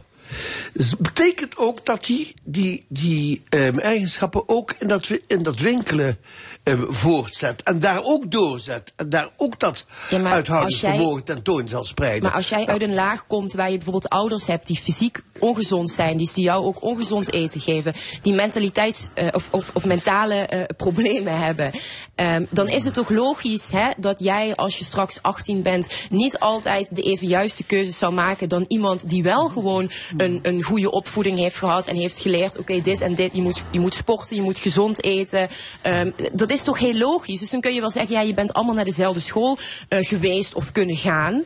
Eh, maar uiteindelijk, dat is de hele crux volgens mij van dit rapport, is die sociale en culturele eh, omgeving is heel belangrijk. Juist dus om goede keuzes te Ja, maken in het leven. Die is, die, is wel, die is wel heel belangrijk, maar voor mijn gevoel ben jij naar excuses aan zoeken op het moment dat het niet lukt. ik blijf niet. Ik blijf, nou ja, voor, mij, voor mijn gevoel wel. Ik je mag blijf, geen problemen, je mag niks constateren, want dan zijn het excuses. Nee, maar jij duidt het wel heel duidelijk aan. En natuurlijk, die dingen die jij benoemt, die zijn natuurlijk mede bepalend voor het verdere traject in je leven. Maar ik blijf erbij dat in de basis iedereen diezelfde kansen krijgt. En, en ook iedereen diezelfde ondersteuning krijgt. Ik kom. Dagelijks zit ik op basisscholen, op voortgezet onderwijs, regulier, eh, speciaal basis, eh, speciaal voortgezet onderwijs. Ik zie heel goed hoe dat de problemen in onze maatschappij zijn. Ik zie alleen niet direct een oplossing. En daar helpt dit rapport, behalve dat het weer nogmaals een keer geconstateerd wordt, helpt daar niet alleen aan. we, gaan naar een ander, we gaan naar een ander thema. Ehm, er is een alliantie gevormd van provincie en bedrijfsleven die de weg moet vrijmaken voor de bouw van een paar kerncentrales in Limburg. En dat nieuwe platform gaat locaties onderzoeken en het draagvlak onder de bevolking vergroten.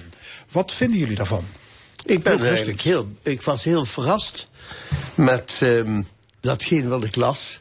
En daar eigenlijk ook best blij om, omdat we zien allemaal dat dat energievraagstuk levensgroot is en steeds groter wordt, omdat er andere energiebronnen moeten worden afgebouwd wordt de behoefte aan andere energiebronnen steeds groter.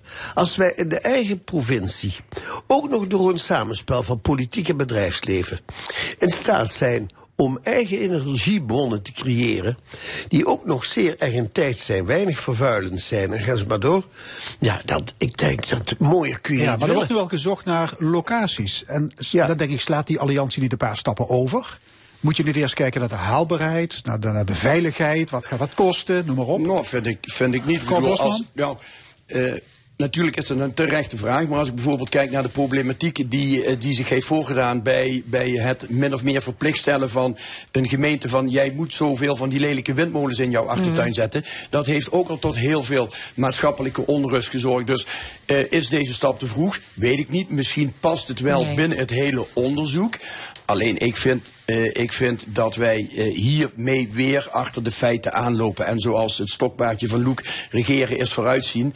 Ja, we hadden al twintig jaar geleden kunnen aanzien dat er op een gegeven moment eh, dit probleem zich gaat voordoen. Dus we hadden twintig jaar eerder, moeten we al over, na- over dingen nadenken die wij anno 2023 hadden moeten, eh, moeten kunnen uitvoeren. goed, maar we de zijn, bouw- we de zijn bouw nu weer van te laat. kerncentrales is hartstikke duur. Wie, wie moet nee, dat die is betalen? niet hartstikke duur. Want als je dus gaat kijken naar die kleine modulaire eh, kerncentrales, en daar gaat het dan uiteindelijk om, eh, zijn die vele malen eh, goedkoper. En ze zijn ook vele malen veiliger. Hè? Ehm, veel mensen hebben dan een beeld van de kerncentrale hier om de hoek bij Tihange in België, die heel onveilig is en slecht.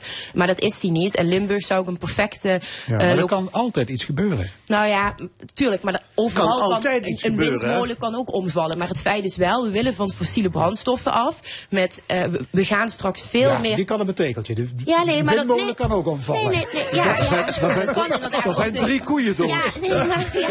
Nou ja, niet als ze zoals het er naartoe gaat in buurten moeten gaan staan. Drie dode Nee, koeien. maar ehm, even, we willen van fossiele brandstoffen af. We gaan straks veel meer elektriciteit nodig hebben. Dat ga je met wind- en Nee, zonne-energie. snap ik. Maar dat- wat maar ze we- zijn veilig, want ze zijn klein. Dus ze kunnen, eh, ze kunnen zelf het, het, eh, de warmte, kunnen ze zelf eigenlijk, eh, mocht er iets zijn, kunnen ze al vrij spelen.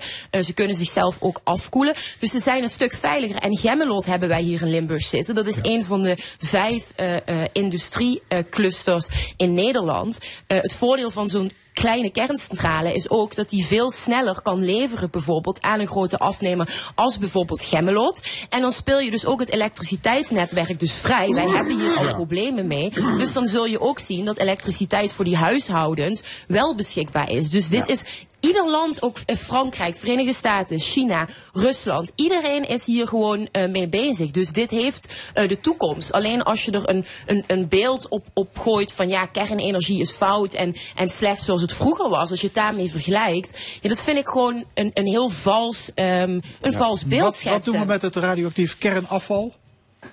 Ehm, ja, dat zal natuurlijk gewoon veilig eh, ehm, verwerkt moeten worden. Maar dat is wel in veel kleinere omvang dan dat het bijvoorbeeld bij zo'n grote is. Mocht er, mocht er iets gebeuren, Nee. eh, is dat vele malen kleiner. En dus nee, ook te klopt. Het overzien. is allemaal kleiner. Je hebt, je hebt minder afval.